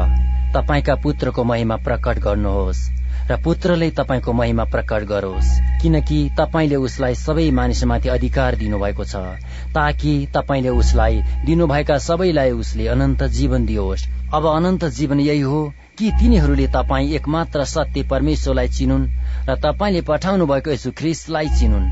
जुन काम तपाईँले मलाई दिनुभयो त्यो पूरा गरी तपाईँलाई पृथ्वीमा मैले महिमै तुल्याएको छु। अब हे पिता संसारको सृष्टि हुन अघि तपाईँको सम्मुख मेरो जुन महिमा थियो त्यसैले आफ्नो उपस्थितिमा मलाई महिमित पार्नुहोस्। संसारबाट जुन मानिसहरू तपाईँले मलाई दिनुभयो तिनीहरूलाई तपाईँको नाउँ मैले प्रकट गरिदिएको छु। तिनीहरू तपाईँका थिए अनि तपाईँले तिनीहरू मलाई दिनुभयो र तिनीहरूले तपाईँको वचन पालन गरेका छन्। तिनीहरूलाई अब थाहा छ कि तपाईँले मलाई दिनुभएको प्रत्येक कुरा तपाईँबाट आएको हो। किनभने जुन बाणी तपाईँले मलाई दिनुभयो मैले तिनीहरूलाई दिएको छु र तिनीहरूले ती ग्रहण गरेका छन्। म तपाईँबाट आएको हुँ भन्ने तिनीहरूले साँच्चै जानेका छन् अनि तपाईँले मलाई पठाउनु भएको हो भनी तिनीहरूले विश्वास गरेका छन्। म तिनीहरूका निम्ति प्रार्थना गर्दछु। संसारको निम्ति म प्रार्थना गर्दिन। तर तिनीहरूका निम्ति जसलाई तपाईँले मलाई दिनुभएको छ किनभने तिनीहरू तपाईँकै हुन्। मेरा सबै जे छन् तपाईँका हुन् र तपाईँका जे छन् मेरा हुन्। मेरो महिमा तिनीहरूमा प्रकट भएको छ। म फेरि संसारमा रहँदिन तर यिनीहरू त संसारमा रहन्छन्। म चाहिँ तपाईँ कहाँ आइरहेछु? पवित्र पिता तपाईँले मलाई दिनुभएको तपाईँको नाउँमा तिनीहरूलाई सुरक्षित राख्नुहोस् र हामी जस्तै तिनीहरू पनि एक हुन्। जबसम्म म तिनीहरूसँग थिएँ तपाईँले मलाई दिनुभएको तपाईँको नाउँमा तिनीहरूलाई सुरक्षित राखे तिनीहरूको रक्षा गरे। अनि तिनीहरू मध्ये विनाशको छोरा बाहेक अरू कोही नष्ट भएन किनकि धर्मशास्त्र पूरा हुन आवश्यक थियो। तर अब म तपाईँ कहाँ आइरहेछु? संसारमा हुँदा यी कुरा म बोल्दछु कि तिनीहरूमा मेरो आनन्द पूरा होस्। मैले तिनीहरूलाई तपाईँको वचन दिएँ तर संसारले तिनीहरूलाई घृणा गर्यो किनकि तिनीहरू संसारका होइनन्। जसरी म संसारको होइन तपाईँले तिनीहरूलाई संसारबाट लैजानुहोस् भनी म प्रार्थना गर्दिन तर तिनीहरूलाई दुष्टबाट सुरक्षित राखिदिनुहोस्। तिनीहरू संसारका होइनन् जस्तो म पनि संसारको होइन। तिनीहरूलाई सत्यमा पवित्र पारिदिनुहोस्। तपाईँको वचन सत्य हो। जसरी तपाईँले मलाई संसारमा पठाउनु भयो मैले पनि तिनीहरूलाई संसारमा पठाएको छु।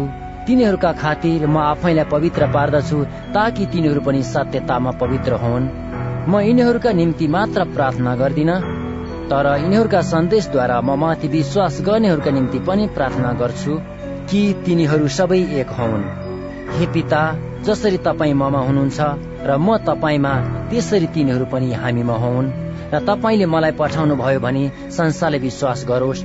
जुन महिमा तपाईँले मलाई दिनु भएको छ मैले तिनीहरूलाई दिएको छु ताकि हामी एक भए झै तिनीहरू पनि एक हुन् म तिनीहरूमा अनि तपाईँ ममा र तिनीहरू पूर्ण रूपले एक हुन् र तपाईँले मलाई पठाउनु भएको हो अनि मलाई प्रेम गर्नुभयो जस्तो तपाईँले तिनीहरूलाई पनि प्रेम गर्नुभयो भनी संसारले जानोस्। पिता म इच्छा गर्दछु कि तपाईँले मलाई दिनुभएकाहरू म जहाँ छु मसँग रहन् र मेरो महिमा देखुन्।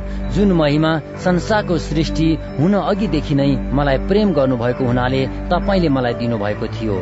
धार्मिक पिता संसारले तपाईँलाई चिन्दैन तर म तपाईँलाई चिन्दछु अनि तपाईँले मलाई पठाउनु भएको हो भने यिनीहरूले जान्दछन्।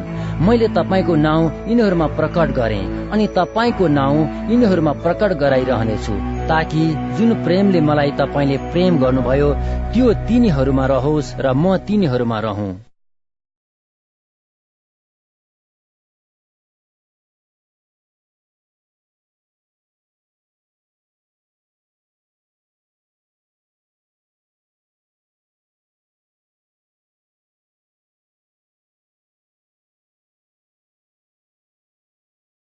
युहन्ना अध्याय अठार। यी कुरा भनिसकेर यसु आफ्ना चेलाहरूसँग किद्रोन खोल्सा पारी जानुभयो। त्यहाँ एउटा बगैँचा थियो। यसु आफ्ना चेलाहरूसँग त्यहाँ प्रवेश गर्नुभयो। उहाँलाई पक्राइदिने यौदाले पनि त्यो ठाउँ चिनेको थियो किनभने यसु आफ्ना चेलाहरूसँग त्यहाँ धेरै जसो भेला हुनुहुन्थ्यो। तब बत्ती राको र हतियारहरू लिएका सिपाहीहरूको एक दल र मुख्य पुजारी र फरिसीहरूले पठाएका पहरेदारहरू लिएर यहुदा त्यहाँ आयो। तब आफूमाथि आइपर्ने सबै कुरा थाहा पाएर यसु अघि आउनुभयो र तिनीहरूलाई भन्नुभयो तिमीहरू कसलाई खोज्दैछौ? तिनीहरूले उहाँलाई भने नासरतका यसुलाई यसुले तिनीहरूलाई भन्नुभयो म उही हुँ। अब उहाँलाई पक्राइदिने यहुदा पनि तिनीहरूसँगै उभिरहेको थियो। जब उहाँले तिनीहरूलाई म उही हुँ। भन्नुभयो तब तिनीहरू पछि हटे अनि भुइँमा लोटे। फेरि उहाँले तिनीहरूलाई सोध्नुभयो तिमीहरू कसलाई खोज्दैछौ? तिनीहरूले भने नासरतका यसुलाई यसुले जवाब दिनुभयो मैले तिमीहरूलाई भनिहाले। म उही हुँ। यसकारण यदि तिमीहरू मलाई खोज्दैछौ भने यी मानिसहरूलाई चाहिँ जान देऊ। तपाईँले मलाई दिनुभएकाहरू मध्ये एउटालाई पनि मैले गुमाइन। भनी उहाँले भन्नुभएको वचन पूरा होस् भनेर यो भयो। सिमोन पत्रुसले आफूसँग भएको तरवार निकालेर मुख्य पुजारीको कमारालाई प्रहार गरे र त्यसको दाहिने कान च्वाट्टै काटिदिए त्यस कमाराको नाउँ माल्खस थियो। यसुले पत्रुसलाई भन्नुभयो तरबार म्यानमा हाल। के पिताले मलाई दिनुभएको कचर म नपिउ त्यसपछि सिपाहीहरूको दल तिनीहरूका कप्तान र यहुदीहरूका पहरेदारहरूले यसुलाई पक्रे र उहाँलाई बाँधे। पहिले तिनीहरूले उहाँलाई हन्नास कहाँ लगे जो त्यस सालका प्रधान पुजारी कैयाफाका ससुरा थिए यी तिनै कैयाफा थिए जसले जनताको निम्ति एकजना मानिस मर्नमा नै कल्याण छ भनी यहुदीहरूलाई सल्लाह दिएका थिए। सिमोन पत्रुस र यसुका अर्का एकजना चेला यसुको पछि लागे। ती अर्का चाहिँ चेला प्रधान पुजारीका चिनारू थिए र यसुसँगै प्रधान पुजारीको आँगनमा पसे। तर पत्रुस बाहिर ढोकामा उभिरहेका थिए। ती अर्का चाहिँ चेलाले जो प्रधान पुजारीका चिनारू थिए बाहिर निस्केर ढोकामा बस्ने ठिटीलाई भनेर पत्रुसलाई भित्र ल्याए। तब ढोकामा बस्ने त्यस ठिटीले पत्रुसलाई भनी के तिमी पनि यस मानिसका चेलाहरू मध्ये एकजना हौ? तिनले भने म होइन। त्यहाँ कमारा र पहरेदारहरू आगोको भुङ्रो ताप्दै उभिरहेका थिए किनभने जाडो थियो। अनि पत्रुस पनि तिनीहरूसँग उभिएर आगो ताप्न लागे। अब प्रधान पुजारीले यसुलाई उहाँका चेलाहरू र उहाँका शिक्षाका विषयमा सोधे। यसुले तिनलाई जवाब दिनुभयो मैले संसारलाई खुल्लम खुला भनेको छु। मैले सधैँ सभा घरमा र मन्दिरमा शिक्षा दिएको छु जहाँ सबै यहुदीहरू भेला हुन्छन्। मैले गुप्तमा केही भनेको छैन। मलाई किन सोध्नुहुन्छ? मैले तिनीहरूलाई के भने सो सुन्नेहरूलाई नै सोध्नुहोस्। मैले भनेका कुराहरू यिनीहरूलाई थाहा छ। यसुले यी कुरा भन्नुहुँदा नजिकमा उभिएका पहरेदारहरू मध्ये एकजनाले यसो भन्दै यसुलाई थप्पड लायो। के प्रधान पुजारीलाई यसरी जवाब दिन्छस्? यसुले त्यसलाई भन्नुभयो मैले बेठिक भनेको भए त्यसको गवाई देऊ। तर यदि मैले ठिकै भनेको हो भने मलाई किन हिर्काउँछौ? तब हन्नासले उहाँलाई बाँधिएकै अवस्थामा प्रधान पुजारी कैयाफा कहाँ पठाए। सिमोन पत्रुस उभिएर आगो ताप्दै थिए। तिनीहरूले तिनलाई भने के उनका चेलाहरू मध्ये एकजना तिमी पनि होइनौ? तिनले इन्कार गरेर भने म होइन। प्रधान पुजारीका कमाराहरू मध्ये एकजना जसका नातेदारको कान पत्रुसले काटेका थिए त्यसले सोध्यो के मैले तिमीलाई तिनीसँग बगैँचामा देखिन र? तब फेरि पत्रुसले इन्कार गरे अनि तुरुन्तै भाले बास्यो। तब तिनीहरूले यसुलाई कैयाफाको घरबाट महलतिर लगे। त्यति बेला बिहान पख थियो बिटु लिएर निस्तार चाडको भोज खान पाउँदैनौ भन्ने डरले तिनीहरू महलभित्र पसेनन्। यसकारण तिनीहरू कहाँ बाहिर निस्केर पिलातसले भने यस मानिसको विरुद्धमा तिमीहरू के अभियोग लाउँछौ? तिनीहरूले उनलाई भने यदि यो मानिस अपराधी नभए हामी यसलाई तपाईँ कहाँ सुम्पने थिएनौ? पिलातसले तिनीहरूलाई भने तिमीहरू यिनलाई लैजाऊ र तिमीहरूको आफ्नै व्यवस्था बमोजिम यिनको इन्साफ गर। यहुदीहरूले उनलाई भने कुनै मानिसलाई प्राणदण्ड दिने अधिकार हामीलाई छैन। उहाँको मृत्यु कुन रीतिले हुनेछ? त्यसको संकेत दिएर उहाँले भन्नुभएको वचन पूर्ण होस् भनेर यसो भएको थियो। पिलातस फेरि महलभित्र पसे र उनले यसुलाई बोलाएर भने के तिमी यहुदीहरूका राजा हौ? यसुले जवाब दिनुभयो तपाईँ आफै यसो भन्नुहुन्छ वा मेरो विषयमा तपाईँलाई अरू कसैले भने? पिलातसले जवाब दिए के म यहुदी हुँ र तिम्रै जाति र मुख्य पुजारीहरूले तिमीलाई मेरो हातमा सुम्पिदिए। तिमीले के गर्यौ यसुले जवाब दिनुभयो मेरो राज्य यस संसारको होइन। मेरो राज्य यस संसारको हुँदो हो त मेरा सेवकहरू मेरो निम्ति लड्ने थिए र म यहुदीहरूका हातमा पर्ने थिइनँ तर मेरो राज्य यस संसारको होइन। पिलातसले उहाँलाई सोधे के तिमी राजा नै हौ त? यसुले जवाब दिनुभयो म राजा हुँ भने तपाईँ नै भन्नुहुन्छ यसैको निम्ति म जन्मेको हुँ। र यसैको निम्ति सत्यको गवाई दिन म यस संसारमा आएको हुँ। म राजा हुँ भने तपाईँ नै भन्नुहुन्छ। यसैको निम्ति म जन्मेको हुँ र यसैको निम्ति सत्यको गवाई दिन म यस संसारमा आएको हुँ। प्रत्येक जो सत्यको पक्षमा छ त्यसले मेरो स्वर सुन्छ। यसुले जवाब दिनुभयो। म राजा हुँ भने तपाईँ नै भन्नुहुन्छ। यसैको निम्ति म जन्मेको हुँ र यसैको निम्ति सत्यको गवाई दिन म यस संसारमा आएको हुँ। म राजा हुँ भने तपाईँ नै भन्नुहुन्छ। यसैको निम्ति म जन्मेको हुँ र यसैको निम्ति सत्यको गवाई दिन म यस संसारमा आएको हुँ। प्रत्येक जो सत्यको पक्षमा छ त्यसले मेरो स्वर सुन्छ। पिलातसले उहाँलाई सोधे सत्य के हो? यति भनेर उनी यहुदीहरू कहाँ बाहिर निस्केर गए र तिनीहरूलाई भने म यिनमा केही दोष भेटाउँदिन। निस्तार चाडमा एकजनालाई मैले तिमीहरूका निम्ति छोडिदिने तिमीहरूको प्रथा छ। के तिमीहरू चाहन्छौ कि यहुदीहरूका राजालाई छोडिदिउ तर तिनीहरू फेरि यसो भन्दै कराए यसलाई होइन तर बारब्बालाई। बारब्बा चाहिँ डाकु थियो।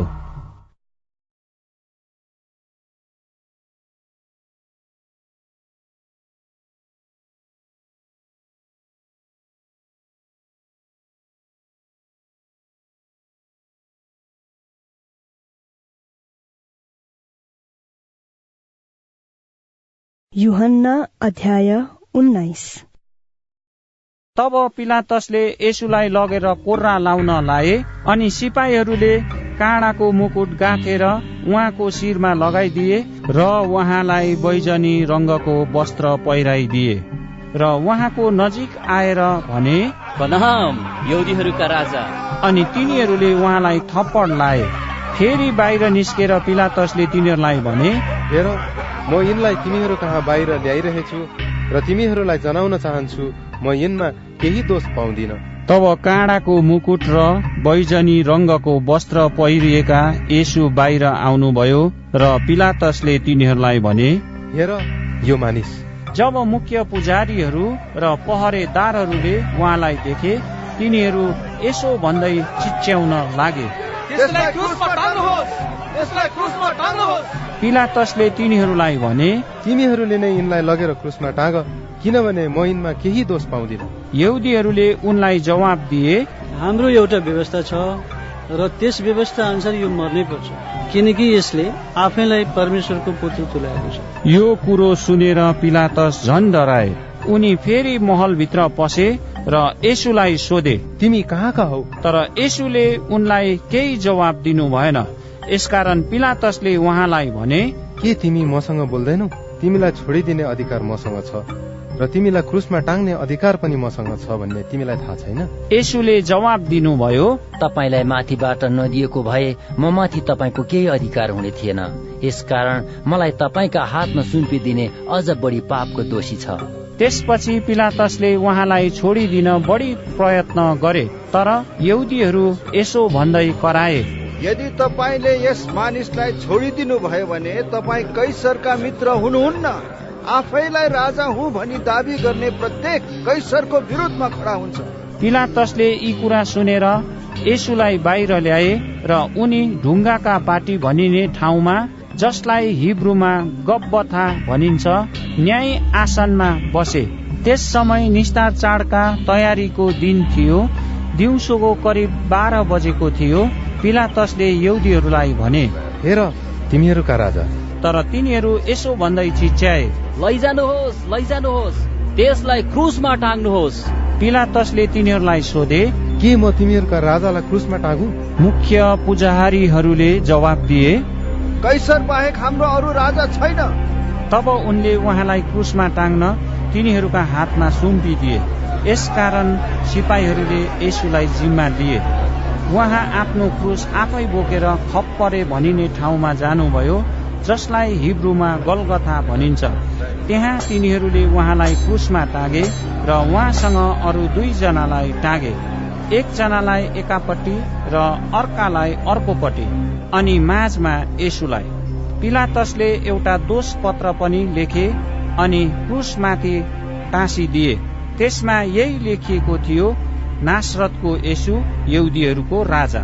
अब धेरै यौदीहरूले यो दोष पत्र पढे किनभने यसु क्रुसमा टाँगिनु भएको ठाउँ सहरको नजिकै थियो। यो हिब्रू ल्याटिन र ग्रिक भाषामा लेखिएको थियो। यहुदीहरूका मुख्य पुजारीहरूले पिलातसलाई भने यहुदीहरूका राजा भन्ने होइन तर यसले म यहुदीहरूका राजा हुँ भन्यो। भनी लेख्नुहोस् पिलातसले जवाब दिए मैले जे लेखे लेखे।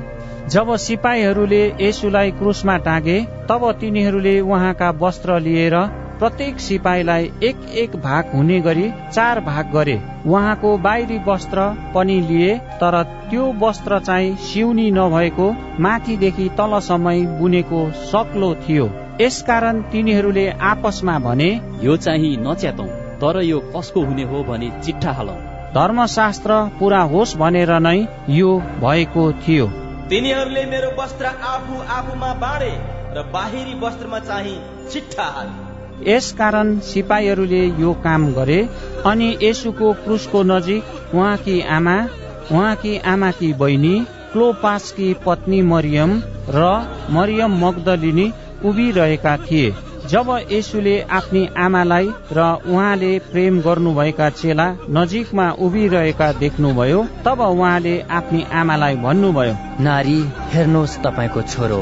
तब त्यस चेलालाई पनि उहाँले भन्नुभयो हेर तिम्री आमा। त्यस बेलादेखि त्यस चेलाले उनलाई आफ्नै घरमा लगे। यसपछि यसुले सबै कुरा अब सिद्धिए भनी जानेर धर्मशास्त्र पुरो होस् भनी भन्नुभयो। मलाई तिर्खा लाग्यो। त्यहाँ सिर्काले भरिएको एउटा भाँडो राखिएको थियो।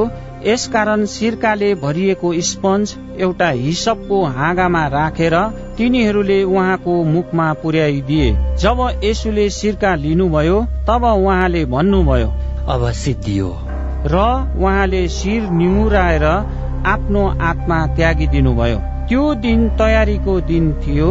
यसकारण यौदीहरूले समातमा विशेष गरी यस सबातमा जुन चाहिँ महत्वपूर्ण थियो मृत शरीरहरू क्रुसमा नरहुन् भनी पिलातसलाई बिन्ती गरे र तिनीहरूका खुट्टा भाँचेर तिनीहरूका शरीर लगिउन् भनी माग गरे। तब सिपाहीहरू आएर उहाँसँग क्रुसमा टाँगिएकाहरूका खुट्टा भाँचे पहिले एकजनाका त्यसपछि अर्काका। जब तिनीहरू यसु कहाँ आए तिनीहरूले देखे कि उहाँको मृत्यु अघि नै भइसकेको रहेछ र उहाँका खुट्टा भाँचेनन्।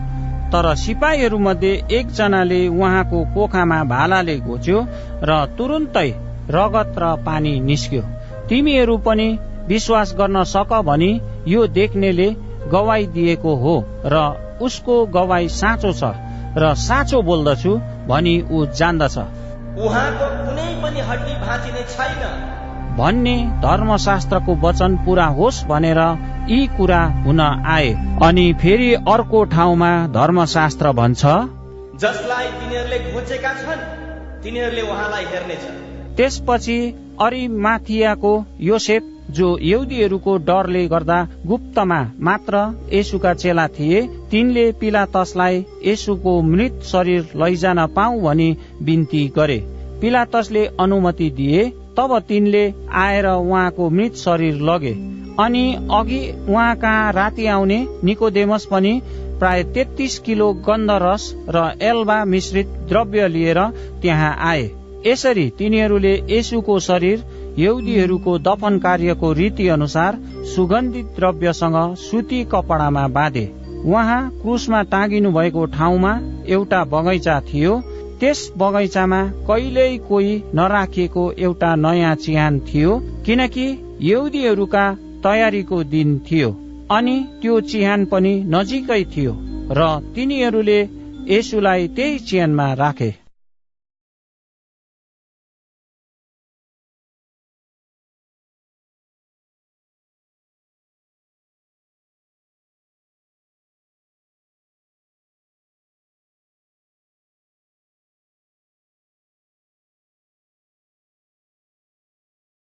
युहन्ना अध्याय बिस। हप्ताको पहिलो दिन बिहान अँध्यारो छँदै मरियम मग्दलिनी चिहानमा आइन् र तिनले ढुङ्गा चिहानबाट हटाइएको देखिन्। तिनी सिमोन पत्रुस र यसुले माया गर्नुहुने अर्को चेला कहाँ दगुरेर गइन् र तिनीहरूलाई भनिन् तिनीहरूले प्रभुलाई चिहानबाट बाहिर लगेछन्। र उहाँलाई कहाँ राखेका छन् सो हामी जान्दैनौ। तब पत्रुस र अर्को चेला बाहिर निस्केर चिहानतिर गए। ती दुवै सँगसँगै दगुरे तर अर्को चेला पत्रुसलाई उछिनेर चिहानमा अगाडि आइपुग्यो। चिहानभित्र निहुरेर हेर्दा तिनले अघि बेरेका सुती कपडाहरू मात्र पडिरहेका देखे तर तिनी भित्र पसेनन्। सिमोन पत्रुस त्यसको पछि पछि आए र चिहानभित्र पसे अनि तिनले पनि मलमलका बेर्ने कपडाहरू मात्र त्यसै पडिरहेका देखे।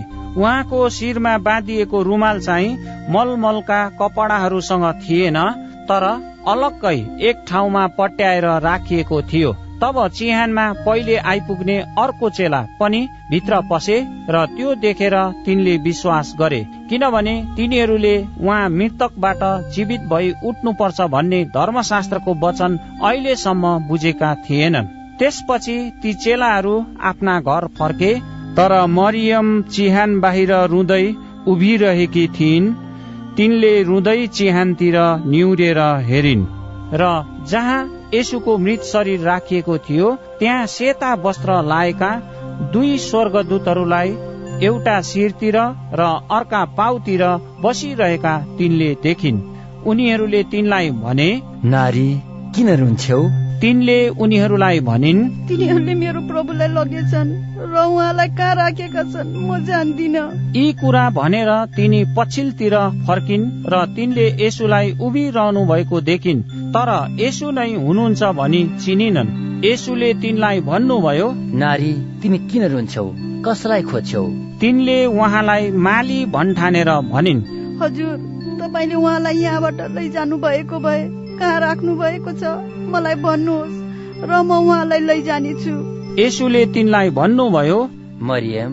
तिनले फर्केर उहाँलाई हिब्रूमा भनिन् रपुनी अर्थात् हे गुरुज्यू। यसुले तिनलाई भन्नुभयो मलाई नछौ किनभने म अहिलेसम्म पिता कहाँ गएको छैन। तर मेरा भाइहरू कहाँ गएर तिनीहरूलाई भनिदेऊ मेरा पिता र तिमीहरूका पिता र मेरा परमेश्वर र तिमीहरूका परमेश्वर कहाँ गइरहेछु। मरियम मग्दलिनी गइन् र चेलाहरूलाई सुनाइन्। मैले प्रभुलाई देखे। अनि उहाँले भन्नुभएका कुरा तिनीहरूलाई तिनले भनिदिन्।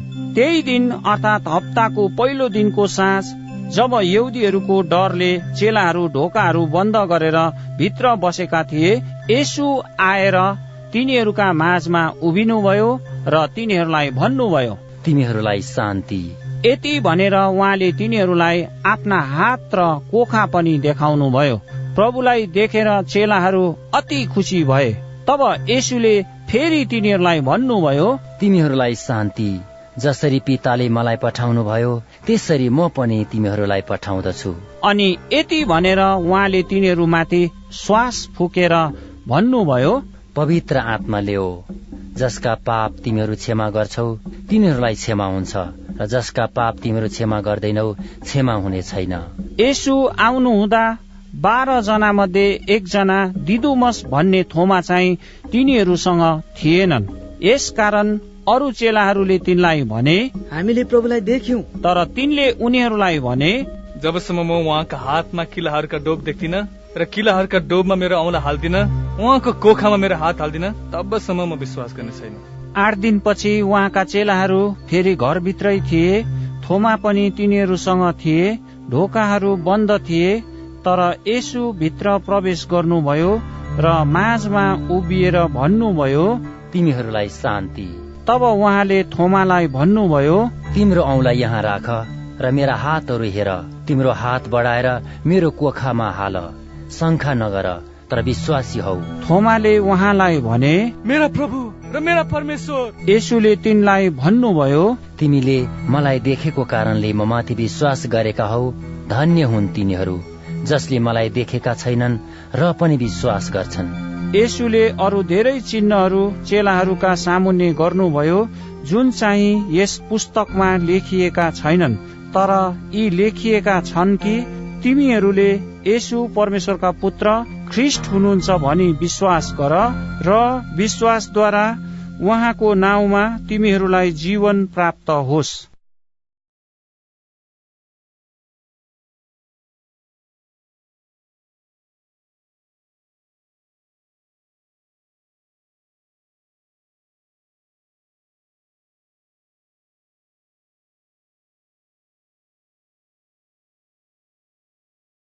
युहुन्ना अध्याय एक्काइस। त्यसपछि चेलाहरू कहाँ तिबेरियास समुद्रको छेउमा यसुले फेरि आफूलाई प्रकट गर्नुभयो। उहाँले आफूलाई यसरी प्रकट गर्नुभयो सिमोन पत्रुस दिदुमस भन्ने थोमा गालिलका काना नगरका नथानेल जब्दियाका दुई छोराहरू र उहाँका चेलाहरू मध्ये अरू दुईजना एकसाथ थिए। सिमोन पत्रुसले तिनीहरूलाई भने म माछा मार्न जाँदैछु। तिनीहरूले उनलाई भने हामी पनि तिमीसँग आउँछौ। तिनीहरू गएर डुङ्गामा चढे तर त्यो रात तिनीहरूले केही पक्रेनन्। बिहान हुन लागेको थियो यसु किनारमा खडा हुनुभयो तर चेलाहरूले उहाँ यसु नै हुनुहुन्छ भनी चिनेनन्। यसुले तिनीहरूलाई भन्नुभयो बालक हो तिमीहरूसँग केही माछा छ? तिनीहरूले उहाँलाई उत्तर दिए छैन। उहाँले तिनीहरूलाई भन्नुभयो जाल ढुङ्गाको दाहिनेपट्टि हान अनि भेट्टाउने छौ। तब तिनीहरूले जाल हाने र माछाहरूको थुप्रोले गर्दा तिनीहरूले जाल तान्न सकेनन्। यसुले प्रेम गर्नुहुने चेलाले पत्रुसलाई भने उहाँ प्रभु पो हुनुहुँदो रहेछ। उहाँ प्रभु हुनुहुँदो रहेछ। भन्ने सुनेर सिमोन पत्रुसले आफ्नो बाहिरी वस्त्र कम्मरमा लपेटे किनभने तिनले वस्त्र खोलेका थिए र समुद्रमा हाम फाले। अरू चेलाहरू डुङ्गामै बसी जाल तान्दै आए। तिनीहरू किनारदेखि टाढा होइन तर प्राय सय मिटर जतिमा थिए। जब तिनीहरू किनारमा उत्रे तब तिनीहरूले कोइलाको भुङ्रोमा माछा राखिएका र रोटी देखे। यसुले तिनीहरूलाई भन्नुभयो तिमीहरूले भर्खरै पक्रेका माछाबाट केही ल्याओ। तब सिमोन पत्रुसले डुङ्गामा चढेर एक सय त्रिपन्नवटा ठुला ठुला माछाले भरिएको जाल पाखामा तानी ल्याए। तर यति धेरै भए तापनि जाल फाटेन। यसुले तिनीहरूलाई भन्नुभयो आएर खाओ। चेलाहरू मध्ये कसैले पनि भनी सोध्ने आँट गरेन। किनकि तिनीहरूले उहाँ प्रभु हुनुहुन्छ भनी जान्दथे। यसु आउनुभयो र रोटी लिएर तिनीहरूलाई दिनुभयो र त्यसै गरी माछा पनि दिनुभयो। मृतकबाट जीवित भइ उठ्नु भएपछि यसु चेलाहरू कहाँ प्रकट हुनुभएको यो तेस्रो पल्ट थियो। जब तिनीहरूले खाइसके तब यसुले सिमोन पत्रुसलाई भन्नुभयो युहन्नाका छोरा सिमोन के तिमी मलाई यिनीहरू भन्दा बढी प्रेम गर्दछौ? तिनले उहाँलाई भने ज्यू प्रभु तपाईँ जान्नुहुन्छ म तपाईँलाई माया गर्छु। उहाँले तिनलाई भन्नुभयो मेरा पाठाहरूलाई खुवाऊ। उहाँले फेरि दोस्रो पल्ट तिनलाई भन्नुभयो युहन्नाका छोरा सिमोन के तिमी मलाई प्रेम गर्दछौ? तिनले उहाँलाई भने ज्यू प्रभु तपाईँ जान्नुहुन्छ म तपाईँलाई माया गर्छु। उहाँले तिनलाई भन्नुभयो मेरा भेडाहरूको हेरचाह गर। उहाँले तिनलाई तेस्रो पल्ट भन्नुभयो युहन्नाका छोरा सिमोन के तिमी मलाई माया गर्छौ? पत्रुस दुखित भए किनकि उहाँले तेस्रो पल्ट तिनलाई के तिमी मलाई माया गर्छौ? भन्नुभयो तिनले उहाँलाई भने प्रभु तपाईँ सब कुरा जान्नुहुन्छ। म तपाईँलाई माया गर्दछु भनी तपाईँलाई थाहा छ। यसुले तिनलाई भन्नुभयो मेरा भेडाहरूलाई खुवाऊ। साँच्चै म तिमीलाई भन्दछु। जब तिमी जवान थियौ तिमी आफै आफ्नो पटुका कस्थ्यौ र जहाँ इच्छा हुन्थ्यो जान्थ्यौ। तर जब तिमी बुढा हुनेछौ तब तिमीले आफ्ना हात पसार्नेछौ र अरूले तिम्रो पटुका बाँधिदिनेछ र तिमी जहाँ जान चाहँदैनौ त्यहाँ लगिनेछौ। कुन किसिमको मृत्युद्वारा तिनले परमेश्वरको महिमा गर्नेछन्। त्यसको संकेत गर्दै उहाँले यो भन्नुभएको थियो। यति भनेर उहाँले तिनलाई भन्नुभयो मेरो पछि लाग। पत्रुसले पछि फर्केर हेर्दा यसुले प्रेम गर्नुहुने चेलालाई पछि पछि आउँदै गरेका देखे। यिनले नै बेलुकीको भोजनको बेलामा उहाँको छातीमा ढल्केर प्रभु तपाईँलाई पक्राइदिने को हो? भनी सोधेका थिए। तिनलाई देखेर पत्रुसले यसुलाई भने प्रभु यिनको चाहिँ के हुने? यसुले पत्रुसलाई भन्नुभयो म नआएसम्म तिनी पर्खिरहन् भन्ने मेरो इच्छा भए पनि तिमीलाई के? तिमी मेरो पछि लाग। यसै कारण ती चेला मर्दैनन् भन्ने कुरा भाइहरूका बीचमा फैलियो। यसुले तिनी मर्दैनन् भन्नुभएको थिएन तर म नआएसम्म तिनी पर्खिरहन् भन्ने मेरो इच्छा भए पनि तिमीलाई के? भन्नु भएको थियो। यी तीनै चेला हुन् जसले यी कुराका विषयमा गवाई दिँदछन् र यी कुरा लेखेका छन् अनि हामी जान्दछौ कि तिनको गवाई साँचो छ। यसुले अरू पनि धेरै काम गर्नुभयो। ती मध्ये प्रत्येकको बारेमा लेखिने हो भने मलाई यस्तो लाग्छ कि तिनका विषयमा लेखिएका पुस्तकहरू संसारैभरि पनि अटाउने थिएनन्।